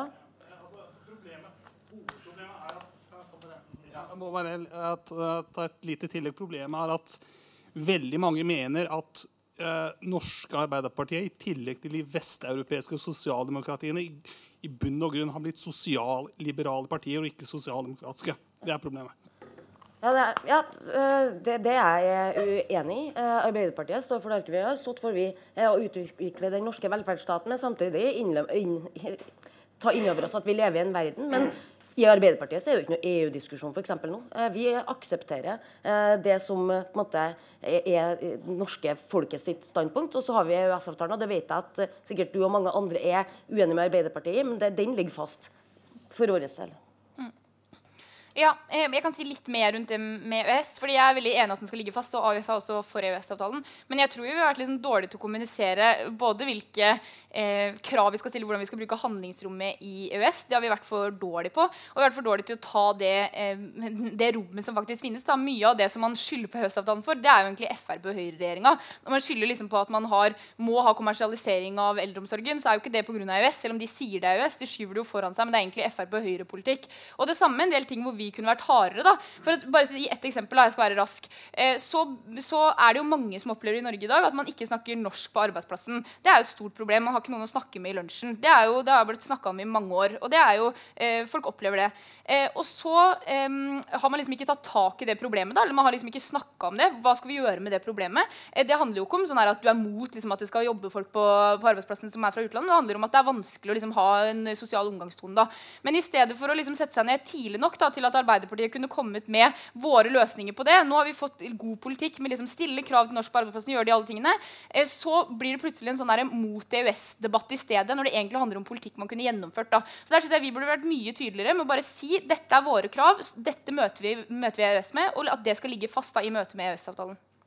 Jeg fikk med dere at uh, største foreninga i Fellesforbundet, ledet han Roar Abrahamsen, som har vært en av EØS-avtalens fremste forsvarere i møte med folk som f.eks. Ragna, eh, har eh, snudd. det var vel i dag de snudde pga. den kost og saken fra, fra EU. Mm. Eva? ja, nei, jeg, nei, jeg trenger ikke egentlig ikke å si noe mye mer. Det eneste jeg er litt enig med Ina. for at eh, vi har vært litt sånn redd i Arbeiderpartiet liksom, når vi begynte å diskutere litt sånn vetorett og sånne ting. For man har vært så redd for at det, liksom, det skal ramme det som er bra med avtalen. Eh, og jeg tror at vi kan bruke det handlingsrommet mye mer og ikke være så redd på å utfordre EU i langt større grad enn vi gjør i dag. Mm. Skal vi se. Da var det deg. Skal få Kari Melby heter jeg. Eh, jeg syns dette er en eh, veldig spennende diskusjon om eh, mulighet for et samarbeid på venstresida. Da tror jeg det er feil spørsmål å stille hva er venstresiden i Arbeiderpartiet. Hvor er Arbeiderpartiet, er det riktige spørsmålet å stille. Eh, det er ikke noe interessant eh, hva som er venstresida, men hva som er Arbeiderpartiets politikk, er interessant. Og jeg tror også faktisk, Ragna, det er feil å si at uh, Arbeiderpartiet er et sentrumsparti. Altså, det er ikke en god inngang i å tenke hva er, hva er limet, hva, hva er kittet på venstresida. Eh, og så tror jeg at Noe av det som rammer Rødt, er jo forhistorien. Du sier det er et ungt parti, men eh, folk som er så gamle som meg, vi husker 70-tallet, vi husker oppgjørene med ML-bevegelsen. Så jeg tror det er, det er, noe av det samme som eh, fikk Arbeiderparti-flanken til å falle i KrF. Altså Masse fordommer, masse forforståelse, masse som ikke er forankret egentlig i reell politikk og reelle muligheter. Og jeg tror fellesskap, altså De to tingene som dere har trukket fram, Bedre fellesskapsløsninger, bedre fordelingspolitikk, vern om velferdsstaten på den ene siden og en radikal offensiv klimapolitikk på den andre siden. Det skulle være grunnlag for et samarbeid. Og da har jeg et spørsmål. Ingen har nevnt elefanten i rommet. Senterpartiet. De har jo ingen klimapolitikk. Da eh, Vedum våknet opp fra den politiske dvalen for to dager siden, så krevde han lavere bilavgifter. Hallo!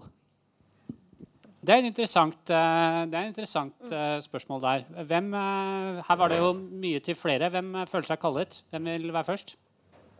Ja, jeg kan, en, ja, vær så god, Ragna. kommentar først. Da. jeg forstår hva du mener med bare litt om først, jeg forstår hva du mener med den nære historien osv., men vi kommer jo alle fra um, Alle partiene har noen form for historie som man kanskje ikke er like fornøyd med. Da. Og jeg syns det er et viktig poeng at det er sånn, ja, vi er et parti som ble stifta for ca. ti år siden. Eh, vi har en historie som vi har med oss. Men man må jo kun se på den faktiske politikken vi fører i dag. Se på programmet og se på Ja. Ja, jeg er enig i det. Og så, sånn som jeg sa i sted, så sa jeg det at eh, for meg, sånn som jeg ser det, så er Arbeiderpartiet et sentrumsparti. Og, det, og hele poenget mitt med den, eh, det innlegget var jo å, på, altså, å, vise på en måte at hvor vi sitter i det politiske landskapet, og den ideologien som fører oss, det gjør også noe med hvordan vi ser på den uh, høyre-venstre-aksen. sant ja? Um, og nå kan vi godt diskutere om Arbeiderpartiet er et sentrumsparti eller et venstreparti. Men Senterpartiet er nå i hvert fall ikke et venstreparti. Så, måte, så, så for Rødt da, er jo det helt, en helt uaktuell samarbeidspartner. Det er jo enkelt å svare på. Ja, um, altså Når det gjelder at Senterpartiet må bli bedre på klima, så er jeg enig i det. Men jeg vil skryte litt av dem likevel. For jeg syns de ofte har et perspektiv som, uh, som er veldig nyttig for oss andre å ha med oss likevel. Og det er jo at klimapolitikk må se forskjellig ut over hele landet. Og hvis man skal få med folk på klimapolitikk og få sånn bred folkelig oppslutning over det, så tror jeg liksom de har et poeng likevel. F.eks. det med at veiavgifter, bilavgifter, alle de tingene ser forskjellig ut uavhengig av, liksom, avhengig av hvor du bor. da. At bilfritt sentrum det passer liksom ikke overalt. Eller man kan ikke leve uten bil alle steder. da. Eh, og det er en sånn ting som jeg tenker blir viktig for Arbeiderpartiet også på klimapolitikk. Det er jo at vår klimapolitikk må ikke bli for urban. liksom. Det kan ikke være sånn at man skal bare ramme oljearbeidsplasser eller ramme liksom de med bil, mens man kan sitte i, byen og spise quinoa og dra mye med fly, og så går det liksom helt det greit, f.eks. Det er en sånn ting som jeg tenker er veldig viktig hvis man skal få med folk på den klimadugnaden. Så jeg tror på at Senterpartiet må bevege seg, de må bli bedre på klima, men vi må hele tiden også huske at folk bor i hele landet. Hvis ikke får vi ikke folk med på klimapolitikken vår. Ja, Det var et veldig interessant spørsmål. for uh, Jeg tenkte på i stad, Nå må vi snakke om Senterpartiet. tenkte jeg. Uh, fordi at uh, De er jo en viktig del av den diskusjonen. Jeg vet jo hva Rødt mener om det. Så vi, vi, har jo god erfaring av å samarbeide med Senterpartiet på Stortinget. det har vi. Eh, men det er jo så riktig som det blir sagt der, de er jo et sentrumsparti. Eh, og måten de opptrer på nå, de driver bare å rigge seg mot kommunevalget. Eh, og det er litt sånn Senterpartiet er litt sånn ulikt ulike steder i landet. Det er litt sånn hvem du snakker med, hva slags Senterparti du får. og det er litt sånn der ulikt. men vi har faktisk samarbeidet veldig godt med dem. Og i det rød-grønne samarbeidet så mener jeg at både SV, Arbeiderpartiet og Senterpartiet fikk ut det beste av seg sjøl. Vi fikk det beste fra Senterpartiet når det gjaldt distriktspolitikk, vi fikk det beste fra SV når det gjaldt miljøpolitikk, og så fikk du det beste fra oss når det gjaldt arbeid og bygge velferdsstat. Sånn at det sammen, Vi gjorde hverandre godt, mener jeg, da, i det samarbeidet. At vi på en måte kjørte våre kampsaker og fikk det inn. Eh, så bare denne kommentaren din til Rødt. Jeg tror det er helt riktig det som sier at det er et uh, ungt parti, og at mange på en måte Eh, kanskje føler litt avstand pga. historien. Eh, og det er det sikkert mange i Arbeiderpartiet også som føler på.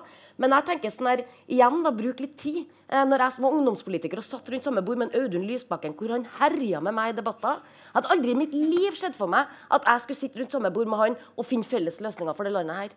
Men sant, verden forandrer seg, så det er ingenting som er umulig. Takk, Eivind Arsvik. Uh, jeg skal snakke om noe så banalt som fredspolitikk. Um, og Det er noen konkrete grunner til at uh, Nato-øvelser Trident Junction er litt uh, dårlig tima. Jeg kan nevne flere, men jeg skal ikke gjøre det. Jo, jo. Uh, både Nato og Russland har erklært at de kan være de første til å benytte atomvåpen i krig. Så øvelse i mine øyne er i beste fall fånyttes. Likevel ble ikke bare Trident Juncture ønska velkommen men faktisk skåla i eh, med champagne. Eh, kritikken fra Ap synes jeg i hvert fall eh, har vært fraværende. De fleste vet vel hvor den radikale venstresida står hen i akkurat denne debatten. Og For å knytte opp mot debatten i kveld, da. Og da skal jeg ikke nevne ledere av Nato med navn. Men hvor villig er Ap til å strekke seg i politikken for å ta med Rødt i en dialog? Lese samarbeid med Rødt på tinget eller oi, regjering? Om problemet med krigshissinga eh, mot vår nabo i øst faktisk stiller spørsmålstegn til vårt medlemskap i Nato. Takk. Da fikk dere spørsmål.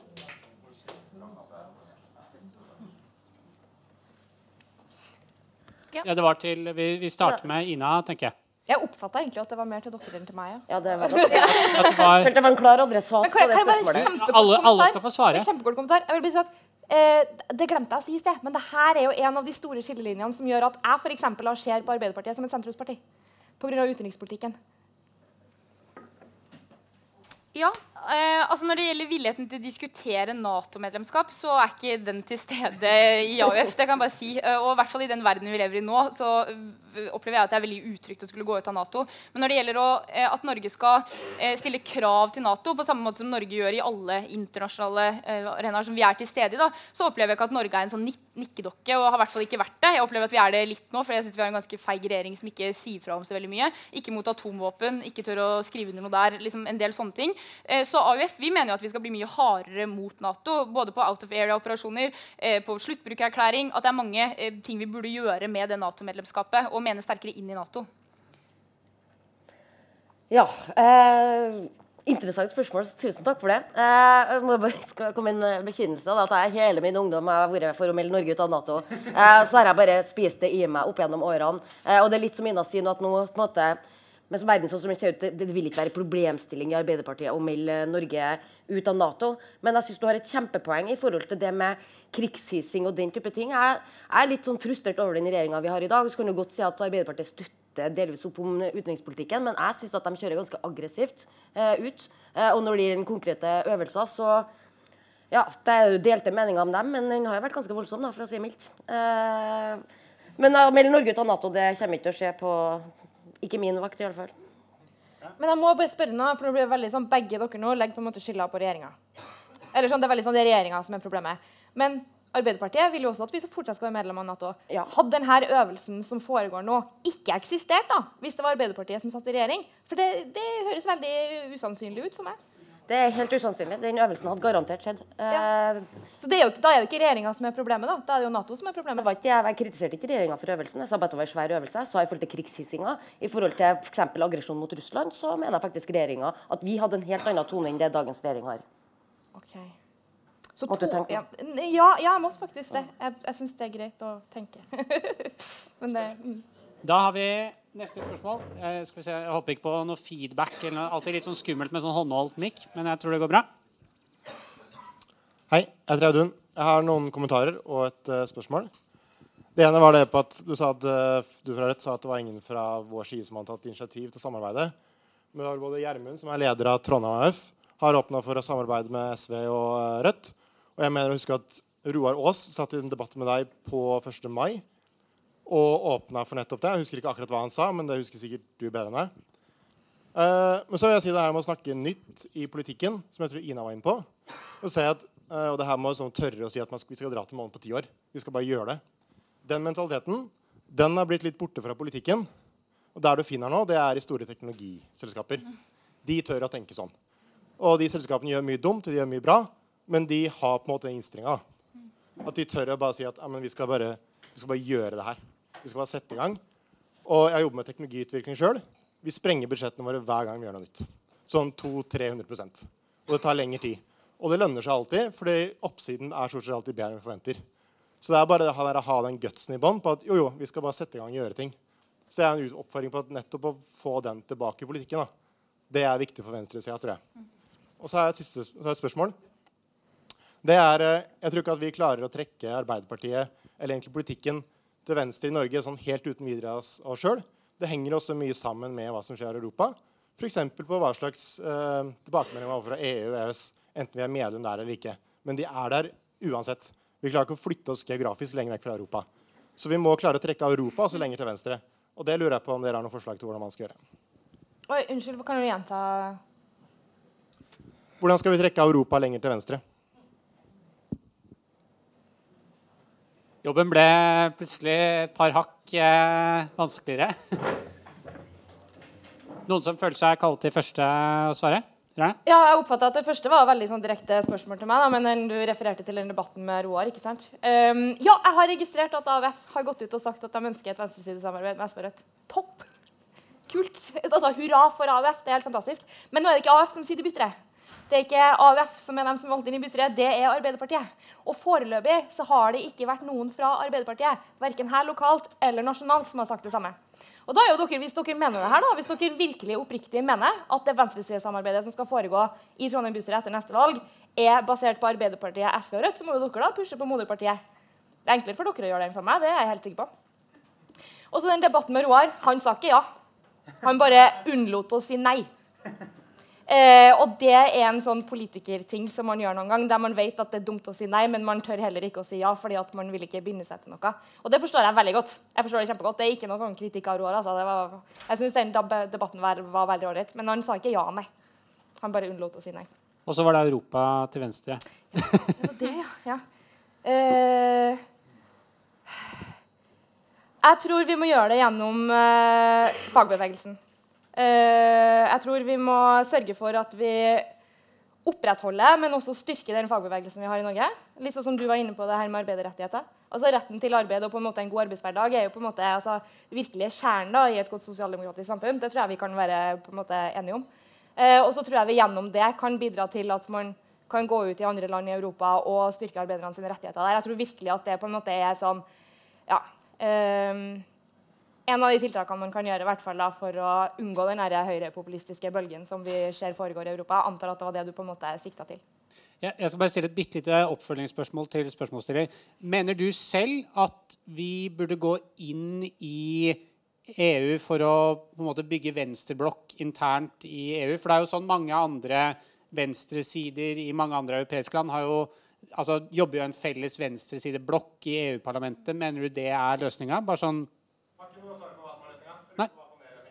Ja, jeg skulle bare sjekke. Ina.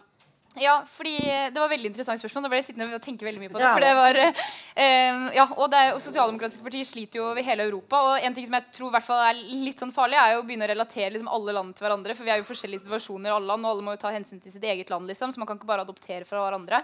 Eh, jeg tror den løsninga med å gå inn i EU ikke ville fungert, fordi det er så stor eh, andel av, folk, av, det norske folket som er mot EU. Så å ikke være i takt med befolkninga på en sånn ting tror jeg er veldig dumt. Og så tror jeg også at å være med EU heller ikke hadde gjort så mye eh, bra for seg. Jeg tror vi gjør mye bedre på utsiden. Men det er jo klart at liksom eh, ja, at, man har noen utfordringer liksom, i hele Europa som også er felles. Da. Eh, og da har jeg i hvert fall én ting som jeg sa litt om i stad, men som jeg, som, jeg, som jeg, tenker er veldig viktig. Og det er den der frykten som vi hele tiden har i mange europeiske land nå for høyrepopulistiske partier. Og det er det jo all grunn til å ha. altså Noen av de høyrepopulistiske partiene er jo høyreekstreme partier. altså Det man ser i Europa nå, er far liksom, Jeg ligger nesten våken om natta om det, fordi det er, det er, skummelt. Men med en gang vi begynner å bli mer redd enn vi er handlekraftige, så, eh, så vinner vi ikke folk til oss. Man vinner ikke tillit fra folk med å skremme med andre partier. Man vinner tillit fra folk med å løse folk sine problemer. Så litt litt mindre tid på å skremme høyrepopulistiske partier og bry seg masse med det, og litt mer tid på å løse hverdagsutfordringer. Jeg møtte en velger for litt siden, faktisk en velger som hadde gått fra Arbeiderpartiet til Rødt. Eh, og Han var i Valdres eh, og hadde gått fra Arbeiderpartiet til Rødt. Og han sa det egentlig veldig godt. at han sa sånn, eh, Dere bruker veldig mye tid på å snakke liksom mot Sylvi Listhaug. og sånn. Det må man gjøre, fordi det går en anstendighetsgrense. Men samtidig som man bruker mye tid med å snakke om høyrepopulistiske partier, så, står, eh, så har man ikke hatt reallønnsvekst. Og det er jo en ting som folk kjenner på. Så hvis man slutter å snakke om økonomi, slutter å snakke om hverdagen, og bare driver og baler med de høyrepopulistiske partiene, så vinner man ikke velgere. Eh, veldig krevende og veldig bra spørsmål. Eh, bare for det første, Jeg tror ikke liksom, vi kan hjelpe til å redde Europa gjennom å gå inn i EU, bare sånn for å rydde den uh, ut av veien. Uh, men jeg tror at vi ser et Europa nå hvor det er så mye rasisme, så mye fascisme. Det, er, det ser jo ikke bra ut. Uh, og jeg tror at hvis vi da, som er venstresida i norsk politikk da, skal gjøre noe for å bidra, så tror jeg vi må bruke at alle må snakke, liksom, bidra der man kan. Sant? I Arbeiderpartiet så jobber vi jo aktivt med våre sosialdemokratiske venner i Europa. Det gjør vi aktivt. Fagbevegelsen gjør det samme. At man på en måte bruker de kanalene man har. Men så tror jeg også vi i Norge kan på en måte prøve å bane litt vei. da, med Litt krevende med den regjeringa her, men f.eks. i forhold til hvordan håndtere eh, flyktningstrømmer, hvordan vi løser det, sånn at vi også kan vise andre land hvordan det er mulig å gjøre det. Og ikke minst også hvordan vi tar, eh, slår ned på rasismedebatten. Fordi Norge har det liksom også begynt å ta, ta, seg opp, og at vi må være flinke til å slå ned på det og være et godt eksempel i forhold til det. Da vil jeg spørre et lite oppfølgingsspørsmål på det her. fordi mener dere, Dette er med høyrepopulismen, den eksploderende høyrepopulismen i Europa er jo et fenomen som vi har snakket mye om. Men mener dere det er noe vi først og fremst møter ved å slå ned på retorikken, eller noe vi først og fremst møter gjennom type arbeidslivspolitikken og velferdspolitikken? Ikke si alt, da. Nei, ja, Eva? Du svarer på spørsmålene.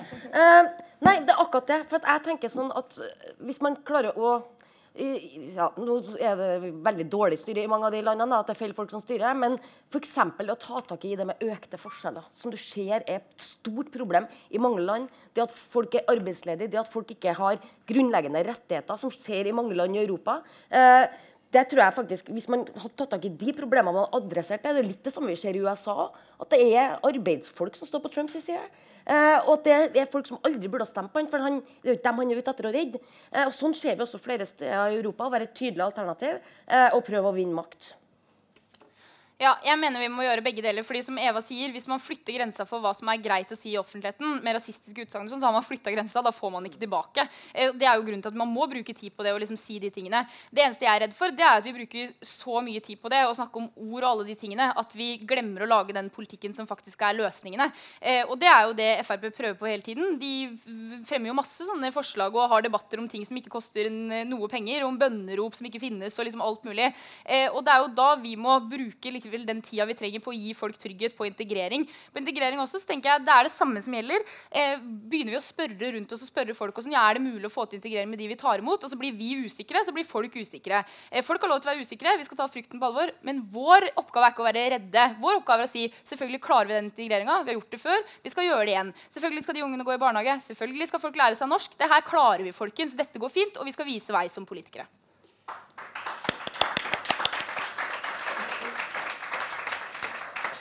Skal vi se, Nå skal jeg bare ta en liten sjekk her. for Nå har jeg to stykker til på talerlista. Det er Nei, du har tegna allerede. Sorry, jeg må bare sjekke hvem som er Det er uh, deg, og så var det deg i hjørnet. Da tenker jeg at uh, det, Er det da noen jeg har glemt?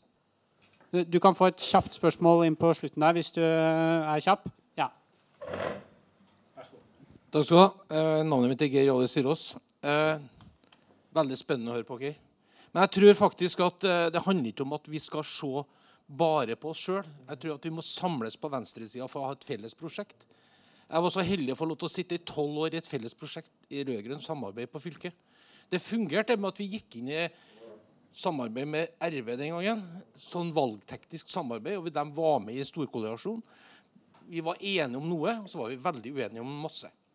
Og det er det jeg tror at venstresida, Hvis vi skal ta tilbake makta, så må vi begynne å samles som et felles prosjekt og flere prosjekt for å skape troverdighet i forhold til den regjeringa vi har nå, som driver og brutaliserer noe så kriminelt i forhold til det som handler om velferdsstaten.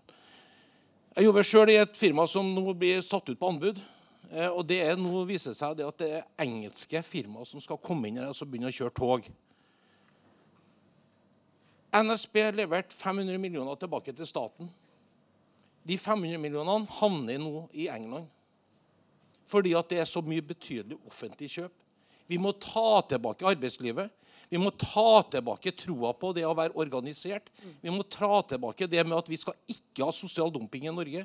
Vi må ta tilbake troverdigheten med at fagbevegelsen har en stemme inn i venstresida. Derfor er jeg veldig glad for at det prosjektet som heter Rød-grønne gangen, så tok vi faktisk fagbevegelsen på alvor. Yngve Hågensen var en kanonmann i forhold til det med å si at røsla er limet i det norske samfunnet. Røsla er limet i Europa, og det er det som er på å skje i Europa. Røsla er ikke lenger limet i Europa. Mm. Det, som er, eh, det som jeg er veldig bekymra for, at det som høyresida driver på med nå, det er sosial dumping. De knuser arbeidsmiljøloven. De knuser fremforhandla rettigheter gjennom tariffavtaler. Vi har en tariffavtale som varer fram til neste år. Da er det et engelsk selskap som kommer til å stille knallharde krav på at vi er nødt til å redusere på våre lønns- og arbeidsgård. Da blir jeg litt sånn matt når jeg hører en Hegnar si at norske arbeidstakere er for dyr. Hvis vi skal ha en anstendig lønn, hvem er det som er villig her til å gå ned 100 000 i året for at vi skal konkurrere med europeiske andre arbeidstakere som ikke er organisert? Hvem er det her? Rekk opp hånda. Hvem er det som ønsker å gå ned 100 000? Ingen. Akkurat du er det. Men da må vi òg redusere kjøpekrafta vår, for det er klimafiendtlig. Det med den økte kjøpekrafta vi har. Vi må begynne å dreie miljøpolitikken over på det forbrukssamfunnet som vi lever av. Og Der syns jeg at Arbeiderpartiet nå begynner å nærme seg det som er fornuftig. Økt klasseforskjeller, det er det vi ser. Vi har en ekstremt stor fattigdom som vi ikke ser i Norge. Det har fått lov til å blomstre under dagens regjering, og den får lov til å blomstre sammen med KrF. Sorteringssamfunnet, abortloven Hvem er det som vil gå tilbake til 30-årene, hvor det sitter noen mørke menn inne på et rom med hvite frakker som bestemmer om du skal få ta et abort fordi at du har blitt voldtatt? Du ønsker ikke å bære det barnet fram. Hvem er det som skal sitte der? Jeg skal ikke gjøre det. Dette handler om velferd, folkens. Og når det blir utfordra hvordan skal vi på venstresida her nå samles om et felles prosjekt Vi må ta tilbake arbeidsmiljølovens perspektiv. Vi må ta tilbake troverdigheten, slik at vi som er arbeidsfolk, tror på prosjektet.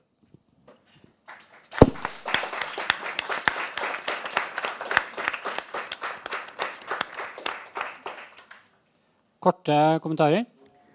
Nei. Jeg vet ikke om det var så mye å kommentere. Tusen takk for et veldig, veldig godt innlegg. Da slipper vi til deg, og så til sist deg til kort spørsmål.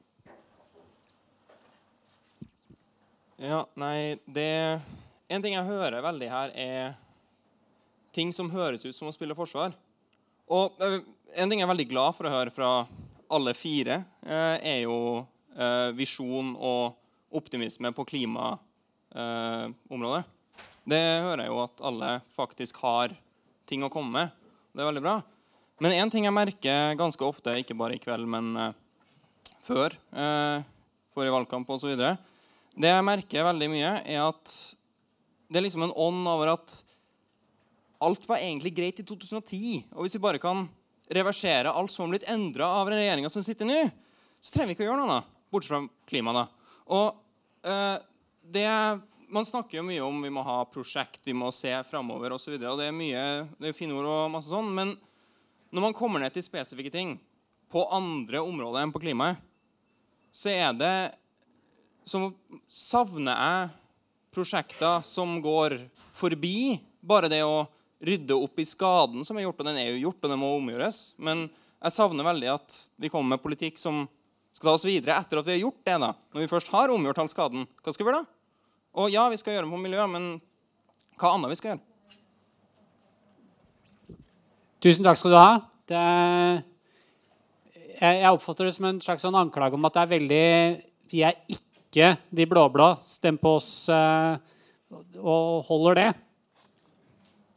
Ja, skal jeg begynne? Ja, altså nei, jeg er helt enig med deg. Og jeg tenker at eh, i hvert fall for sosialdemokratiet videre, som er en bevegelse som er bygd på at man ønsker forandring, så kan man i hvert fall ikke drive med det. Hvis du stemmer for det bestående, så er det jo i utgangspunktet konservativ. på en måte, Så det kan jo konservative partier drive med. Så kan vi ikke drive med det. Eh, så det er jeg helt enig i. Og da tror jeg liksom det der med å tørre å, å, drømme hvor man skal videre, og ikke bare si at man skal reversere ting det er jo, eh, Nå har vi ikke diskutert så mange spesifikke felt, da, men for å ta et felt som jeg er litt opptatt av, som gjelder mange unge folk, det er jo f.eks. bolig. da, At man tør å ikke bare si at vi skal reversere det de har gjort i Husbanken som er dritt, liksom, men at man tør å gå et steg videre og si sånn nei, vi skal skattlegge sekundærbolig eller bolig nummer 253 mye hardere enn i dag. Vi skal tørre å bruke Husbanken på en mye bedre måte enn det vi gjorde før, for det var ikke perfekt før heller. Det er jo en ordentlig visjon. da, Å si til folk sånn ja, vi har faktisk en drøm om eh, at alle som er eh, førstegangskjøpere, skal få mulighet til å komme inn på boligmarkedet uavhengig av inntekt. Det burde vi ha som en drøm, liksom. Og så komme med de tiltakene som trengs. da. Så enig. Godt innspill. Ja. Eh, jeg trodde ikke jeg skulle si noe på det her. Jeg opplevde at det var mer et sånt spørsmål til Arbeiderpartiet. Men nei, nei, nei, men da kan jeg si ja. Nei. jeg satt bare og lytta. Men igjen så er det på en måte sånn eh, Det du sier nå, jeg er helt enig. Jeg er helt enig. Akkurat, og, og, vi har jo foreslått det her. og vi snakker om det her hele tida. At man skal skattlegge hardere. At Hvis du eier 50 boliger, hvorfor skal du på en måte betale en promille i eiendomsskatt? og det er liksom en sånn, så Igjen så opplever jeg på en måte at man sitter her og diskuterer, og sånn er det i en del debatter og sånn også, der man sitter og på en måte snakker om både litt sånn retning, men også på en måte konkrete forslag. Der det blir presentert på en måte som at vi egentlig er veldig enige. Eh, men samtidig så er man veldig redd for å på en måte skulle si at vi ønsker å samarbeide på venstresida. Ja. Eva? Uh, ja, uh, rydde opp i skaden som har skjedd. Uh, Dessverre så må man jo gjøre det, eh, som er egentlig litt sånn slitsomt. og Det er derfor det er når de tar så omfattende grep, sånn som type det Geriale snakka om, da, med privatisering, med NSB eh, det, liksom, det, det, det, gjør det blir vanskelig for oss, for det krever så store omveltninger. Så vi må nødt til å gjøre også det. Og så må vi ha prosjekter. Det snakka vi om litt tidligere. Sånn som jeg er opptatt av det med at vi må bygge velferdsstaten videre for å få ned forskjellene mellom folk. Uh, og at vi må nødt til å slå ring om arbeidslivet, nei til privatisering, eh, slå et slag for klima, som du også nevnte. Eh, sånn at vi har jo en del prosjekter som vi burde ha kjørt fremover. Eh, så må vi i tillegg da rydde opp i de skadene som har skjedd. Tusen takk skal dere ha. Da har vi siste spørsmål. Og så har jeg lyst på å utfordre dere på noen korte ting.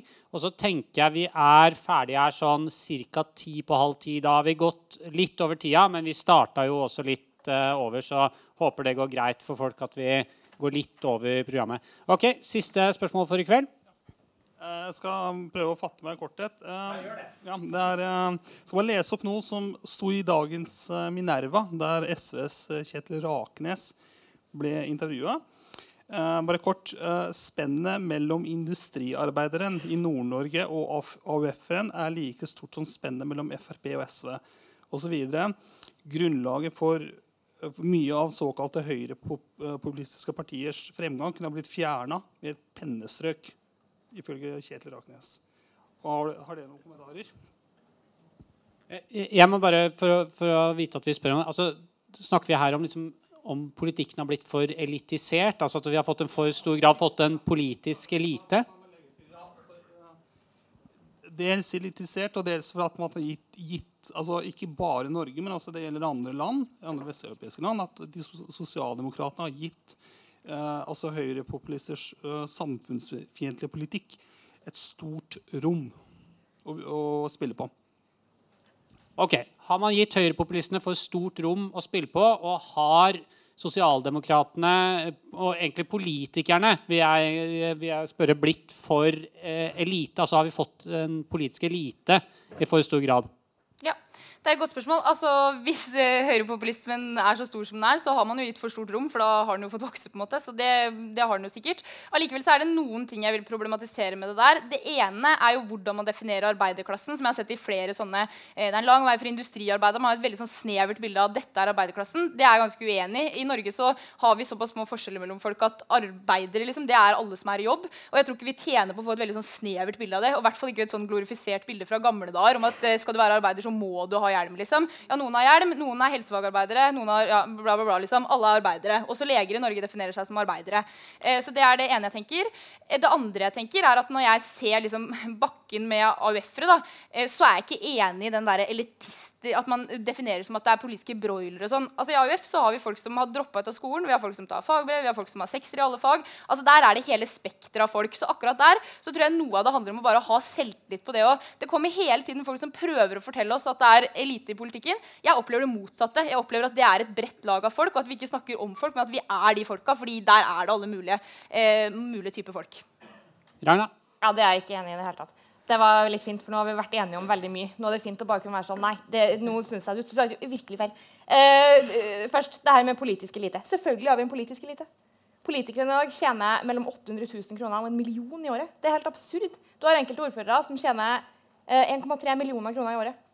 Og det å si at det ikke er en elite, men at det er det samme som en helt vanlig arbeider eh, Selvfølgelig er det ikke det. Du tjener tre ganger så mye. Du har en helt annen frihet i hverdagen din. Du har, en, du har, et, du har, et, du har muligheten til et helt annet liv, ikke bare for deg sjøl, men for, for barna dine og for barnebarna dine og for oldebarna dine. Sant, ja? sånn at, og det at man skal definere seg sjøl som arbeider, og at det er definisjonen på hvilken klasse man tilhører sånn at Hvis en lege som er i jobb, ser på seg sjøl som arbeider, så tilhører hun arbeiderklassen? Nei. Det er ikke riktig. Det er ikke sånn man definerer klasse. Uh, og du sier på en måte sånn at vi har en, I dag en samfunn så er det vanskelig å på en måte definere klasse og hvem er arbeider og ikke. Der kommer vi nok til noe av det grunnleggende som skiller på en måte Arbeiderpartiet fra Rødt. da. For vi syns ikke det er så veldig vanskelig. Dette er et tema som vi diskuterer ofte i Rødt. Vi har studiesirkler der vi diskuterer klasse. Hvordan skal vi i det moderne samfunnet med eh, bemanningsbyrå videre, se på arbeiderklassen i et moderne perspektiv? Så det ene jeg kan være enig med deg i, er at arbeideren i dag er nok ikke lenger bare en industriarbeider. Du har også dem som er ansatt gjennom bemanningsbyrå som ikke får faste stillinger, som sitter og venter på telefonen sin om de skal få et oppdrag eller ikke. Men å si at i Norge i dag så er det så lite forskjeller, at alle er arbeidere, det er jo direkte feil. fordi vi har en kraftig framvoksende elite. Det har vi. Det blir større forskjeller mellom fattig og rik. Større forskjeller mellom borgerskapet og arbeiderklassen. Sånn. Eh, Kan jeg bare få en kjapp svarreplikk, liksom? Ja, ja. og det kan godt være det var jeg som uttrykte meg for dårlig. Altså, for de her tingene er jeg helt enig i, og åpenbart er det noen som har svakere tilknytning til arbeidslivet, eh, som vi må gjøre noe ekstra for. for å, liksom, eh, jeg er enig i alle de tingene. Det eneste jeg tror vi ikke tjener på, det er å lage en utrolig snever eh, At dette er liksom definisjonen for arbeider. fordi det man har en tendens til da, det er å gjøre litt sånn som man har gjort i USA, at man går bort fra de universelle velferdsordningene som handler om alle. Eh, fordi man har liksom noen som skal eh, bidra liksom veldig mye, og så er det, og skal det gå til noen der nede. Og det er det jeg er uenig i. Jeg mener at alle som vil definere seg som arbeider, de skal være en del av det velferdssamfunnet vi har bygd opp. fordi det er noe av suksessen med Norge. Det er det der at vi har de felles velferdskodene som er for alle. At man ikke ja. Eh, eh, Eva, skal, så skal vi videre. Ja, det en Dere skal få noen avsluttende bemerkninger. bare sånn at det er sagt. Hvis dere har noen sånn supre poenger dere vil ha med, så kan dere få det. Beklager, Eva. Ja, Sånn. det, det er to interessante diskusjoner her. og Det ene er jo på en måte hva er en arbeider. og Jeg er jo enig med Ina at eh, på en måte, når i Arbeiderpartiet vi snakker om arbeid til alle, så, så på en måte definerer vi jo lønnsmottakere. Eh, så skjønner jeg hva som blir sagt her i forhold til hva en typisk arbeider er. Men jeg tror vi det er litt uheldig å låse seg fast i den forestillinga. Bare for å bruke et eksempel. da. Jeg er oppvokst i arbeiderbevegelsen. Eh, Jeg har foreldre med lav utdanning. Arbeidere. Hele slekta mi er arbeidere. Men det eneste ønsket de hadde, var at jeg og søstera mi og broren min skulle klare å ta utdanning, sånn at vi kunne måte, gjøre, ta frie valg. Da, sånn at vi skulle ha de mulighetene. Søstera mi er den eneste i slekta vår som var den første i slekta vår som tok universitetsutdanning. Eh, og aldri har morfar vært så stolt som da. Og han jobba på TMV og, og mekka på båt. Eh, sånn at den diskusjonen om arbeidere, Vi må også tåle at samfunnet utvikler seg. Eh, men jeg skjønner hva debatten går i. Og når det gjelder det med politisk elite, eh, så, så Jeg er sikkert en del av den politiske eliten. Jeg tjener en million i lønn, sitter på Stortinget, eh, har et digert, fett kontor. Jeg er elite i Norge. Men opplever jeg meg sjøl som det? Med den bakgrunnen jeg har, og den personen jeg er? Jeg gjør ikke det. Men jeg kan forstå at andre kan oppfattes sånn. Eh, fordi at eh, det er en sånn avstand mellom kanskje dem som styrer og vanlige folk. Eh, og det er på en måte både mitt ansvar og mange andre sitt ansvar at vi må ta tak i for hvordan vi blir oppfatta utad. Ja, st- Eh, tusen takk eh, skal dere ha. Jeg, jeg må bare stille et sånn, for det var interessant dette Høyrepopulismen har jo prega mye av den politiske debatten siste året. Så jeg må bare stille et uh, oppfølgingsspørsmål på det. Fordi uh, vi på venstresida føler jeg ofte er veldig fornøyd med vår egen innsats i innvandringspolitikken. Altså, det er jo en av hovedkritikkene vi får, at vi er opptatt av hvor snille og, og, og gode vi er. Og at det er der høyrepopulismen har vokst fram da, på en unnvikende innvandringspolitikk. Mener dere tre i panelet har venstresida gjort noe som helst galt i innvandringspolitikken, eller har vi vært bare mwah, hele, hele veien? Enn nå jeg skal bare være sånn Ja, men vi har jo ikke hatt regjeringsmakt. Nei, nei, men altså men Så- eh, Dere har noe ment. Dere har noe ment ting, eh, dere òg. Det er vel for 20 000 flyktninger i året, eller jeg husker ikke hva Men altså, dere, dere er nå også for venstresidas klassiske liberale innvandringspolitikk. Altså, er det, er det noen Ja, som føler seg kallet? ja. Vil vil du begynne, eller? Nei, nei, kjør på. Jeg kan begynne. Em, ja, jeg har gjort noe rett og noe galt. Men det som jeg tror vi kanskje har gjort litt galt, er at vi har vært streng på de feile tingene. Fordi jeg mener jo som AUF da, at Arbeiderpartiet også burde tatt imot, eller gått for å ta imot flere flyktninger. At vi burde tatt et større internasjonalt ansvar. At vi skal ta det FN ber oss om. Det skulle bare mangle. Vi er et kjemperikt land. Eh, og jeg tror heller ikke at det er der skoen trykker når folk i Norge blir bekymra for at vi skal ta imot for mange eh, flyktninger. Og det er der jeg tror vi bommer. da. Fordi jeg tenker at eh, Når man diskuterer tall med sånn kvoteflyktninger, er 4000 mye, er 8000 mye Jeg tror ikke de fleste har et bilde av det. Jeg har nesten ikke et bilde av det sjøl engang. Men det jeg tror folk er opptatt av, er om man får det til å funke i lokalsamfunnene. Og der har ikke jeg noe problem med å si at man skal være streng hvis man vil bruke det ordet. da. Eller man skal stille krav, sånn som man gjør til alle i Norge. Eh, at det skal være en selvfølge at man skal gi norskundervisning, og da skal folk lære seg norsk. Det skal være en selvfølge at folk skal være i jobb hvis man kan jobbe. Det er de samme kravene vi stiller til alle. Vi stiller opp, og så stiller vi krav. Det er det samfunnet vårt er bygd på. Og der tenker jeg at vi bør være strenge. Men så da tenker jeg at da trenger vi heller ikke å være så strenge når det kommer til hvor mange vi skal ta imot. Fordi da vet vi at integreringa funker i den andre enden. Så vri om på de to.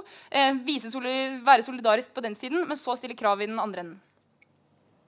Ja, men eh, jeg tror at eh, at vi har slitt litt med at ikke vi har vært liksom, opp igjennom vært gode nok på integrering, og spesielt i de store byene. Eh, Hvis du drar litt sånn, sånn utafor de store byene, og du ser hvordan mange kommuner integrerer flyktninger, det går jo så det griner.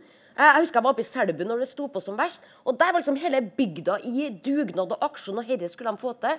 Vi skulle få til å integrere, folk. Og jeg tror at vi har vært litt sånn eh, Kanskje ikke vært gode nok i de store byene til å få til bra nok eh, integrering, som jeg tror har trigga litt eh, den debatten. Men samtidig så mener jeg at vi må være kanskje også ikke vært tøffe nok til å slå ned når vi merker at det begynner å nærme seg rasisme. Og rasisme er et ord vi nesten ikke har, liksom, i offentligheten ikke har lov å bruke. Jeg mener Det hører jeg Inger Marie Ytterhorn skrev om uh, Oslo sin eh, varaordfører når hun skulle være leder av 17. mai-komiteen. Det var rasisme. Eh, men du kan nesten ikke si det, for hun må jo få lov å mene det. Nei, det, det er ikke greit å mene eh, det hun sa, for det er rasisme. Sånn at der også burde vi vært tøffere, da. Ja, det er bare så jeg måtte gjøre.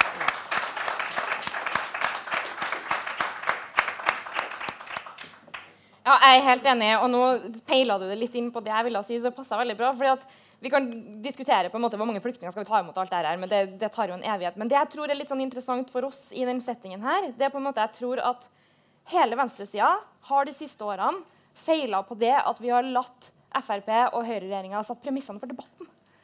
Og det syns jeg er uheldig. Og det, de som setter premissene for debatten, de definerer også veldig utfallet av den debatten. Sånn at I, i fjor sant, ja, så sprang alle rundt og diskuterte norske verdier. Fordi at Helleland hadde begynt å snakke om det. Eh, og det vi egentlig burde ha gjort da, og da mener jeg alle, det er Rødt og SV og Miljøpartiet og, og Arbeiderpartiet og alle som tenker at de tilhører venstresida, det vi burde ha gått ut og sagt, er at det her er uinteressant. Det her diskuterer vi ikke. Det er en ikke-sak. Vi skal ikke ta, vi skal ikke svare, vi skal ikke diskutere det, For det her betyr ingenting. Det vi skal diskutere, er det her og det her og det her, og det her, og så ramser vi opp de tingene som faktisk betyr noe. Og det synes jeg er noe, og der, det er jo en av de tingene jeg på en måte håper at en sterkere og mer samla venstreside kan jobbe mer med framover. Eh, at vi ikke bare hopper på og biter på de her tullesakene fra Høyre og Frp, fordi at de vinner dem. Hvis Frp kommer ut med en sak som handler om innvandring, som handler om norske verdier, som handler om et eller annet der de har satt premissene, så vinner de den debatten. For vi kan ikke ta dem på deres arena. Så vi må si nei.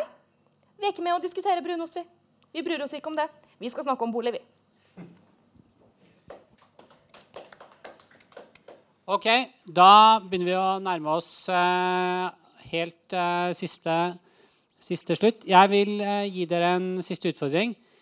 Hvis de konkrete grep vi bør ta helt sånn avslutningsvis, konkrete grep vi bør gjøre framover hvis vi har lyst til å peile Norge i retning av eh, et eh, land som ledes fra et solid venstresamarbeid. Og Nå vil jeg ikke at dere skal forholde dere til akkurat hvem som sitter i altså, Men et Norge styrt på venstresidens eh, verdigrunnlag, hvilke konkrete grep må vi ta da?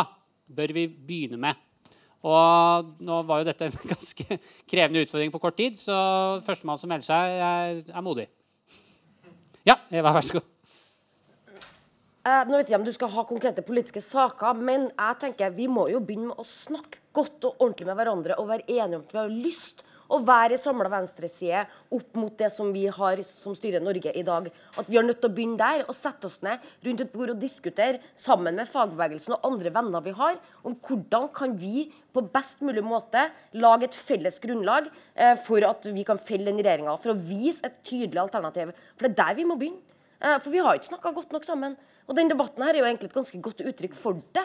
Eh, og jeg mener også sånn, som lever livet mitt som, stort, som politiker i Stortinget, at vi har ikke snakka godt nok, verken SV eller Rødt for den saks skyld, sammen i, i Stortinget. Eh, og at vi er nødt til å begynne der. Og så må vi jo bli enige om de konkrete sakene. Nå har jeg jo ramsa opp de prosjektene jeg mener vi burde starte opp med. Jeg trenger ikke å gjenta det, eh, men vi må begynne med å på en måte samle oss. Eh, og nå har vi en god anledning til å gjøre det, i og med at landet blir styrt av en flertallsregjering som ikke vil gå vår vei.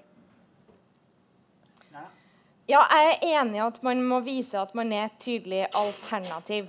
Um, og da vil jeg bare en sånn kort kommentar tilbake til det, for Du nevnte noe om USA i sted, at arbeiderklassen har stemt på Trump osv. Der tror jeg jo man ser akkurat den fella som på en måte man har gått i andre land i Europa, og som vi på en måte har gått i Norge, og som vi kommer til å fortsette å gå i Norge hvis man ikke endrer den måten man snakker om politikk på.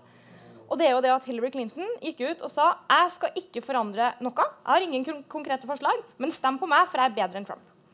Eh, det var basically hele valgkampen. Stem på meg, for jeg er bedre.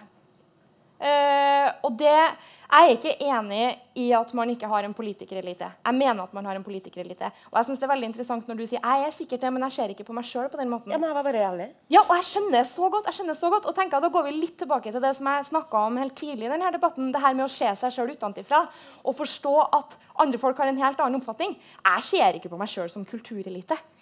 Jeg syns ikke sjøl at jeg er kulturelite når jeg sitter langt nede i den sjuende dalsen og på en måte blant opp et eller annet som jeg synes er spennende. Men jeg vet at andre folk rundt meg oppfatter meg som en del av kultureliten. Fordi at jeg har den bakgrunnen jeg har, og fordi at jeg har den utdanninga jeg har, og fordi at jeg har de posisjonene som jeg har. Så jeg er klar over det, selv om jeg ikke oppfatter meg sjøl på den måten. Og jeg tror at Hvis man skal være et tydelig politisk alternativ, så må man forstå hvordan man blir oppfatta. Man må forstå hvordan retorikken blir oppfatta. Og jeg mener jo at Arbeiderpartiet i forrige valgkamp i altfor stor grad snakka om at stem på oss, for vi er bedre enn Høyre. Vi vil ikke ha blå regjering. Stem på oss. Arbeiderpartiet er bedre enn Høyre. Og det var på en måte hele valgkampen. Man snakka veldig lite om konkrete forslag. Man snakka veldig lite om hva skal vi gjøre for å forbedre hverdagen til folk. da. Ja, jeg skal avslutte.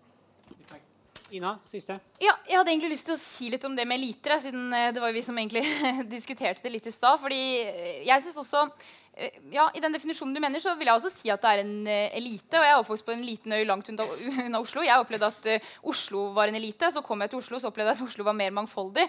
Altså sånne, De der opplevelsene og sånne ting, selvfølgelig er det reelt. Uh, altså Jeg blir fortsatt fornærma ja, når, det, når liksom meningsbærende folk som jeg opplever som meningsbærende folk skriver kronikker hvor de gjør narr av å dra på campingferie. Jeg opplever at det treffer midt på sånn uh, Jeg opplever det som et slag i trynet. liksom. Det er sånn, Oi, mener ikke de elitene at det er ålreit å dra på campingferie? Jeg liker det, liksom. Jo, men sånn, Sånne ting må man jo passe seg for hele tiden. Snakker man, gjør man narr av de livene folk lever. Eh, liksom, snakker man på en sånn måte.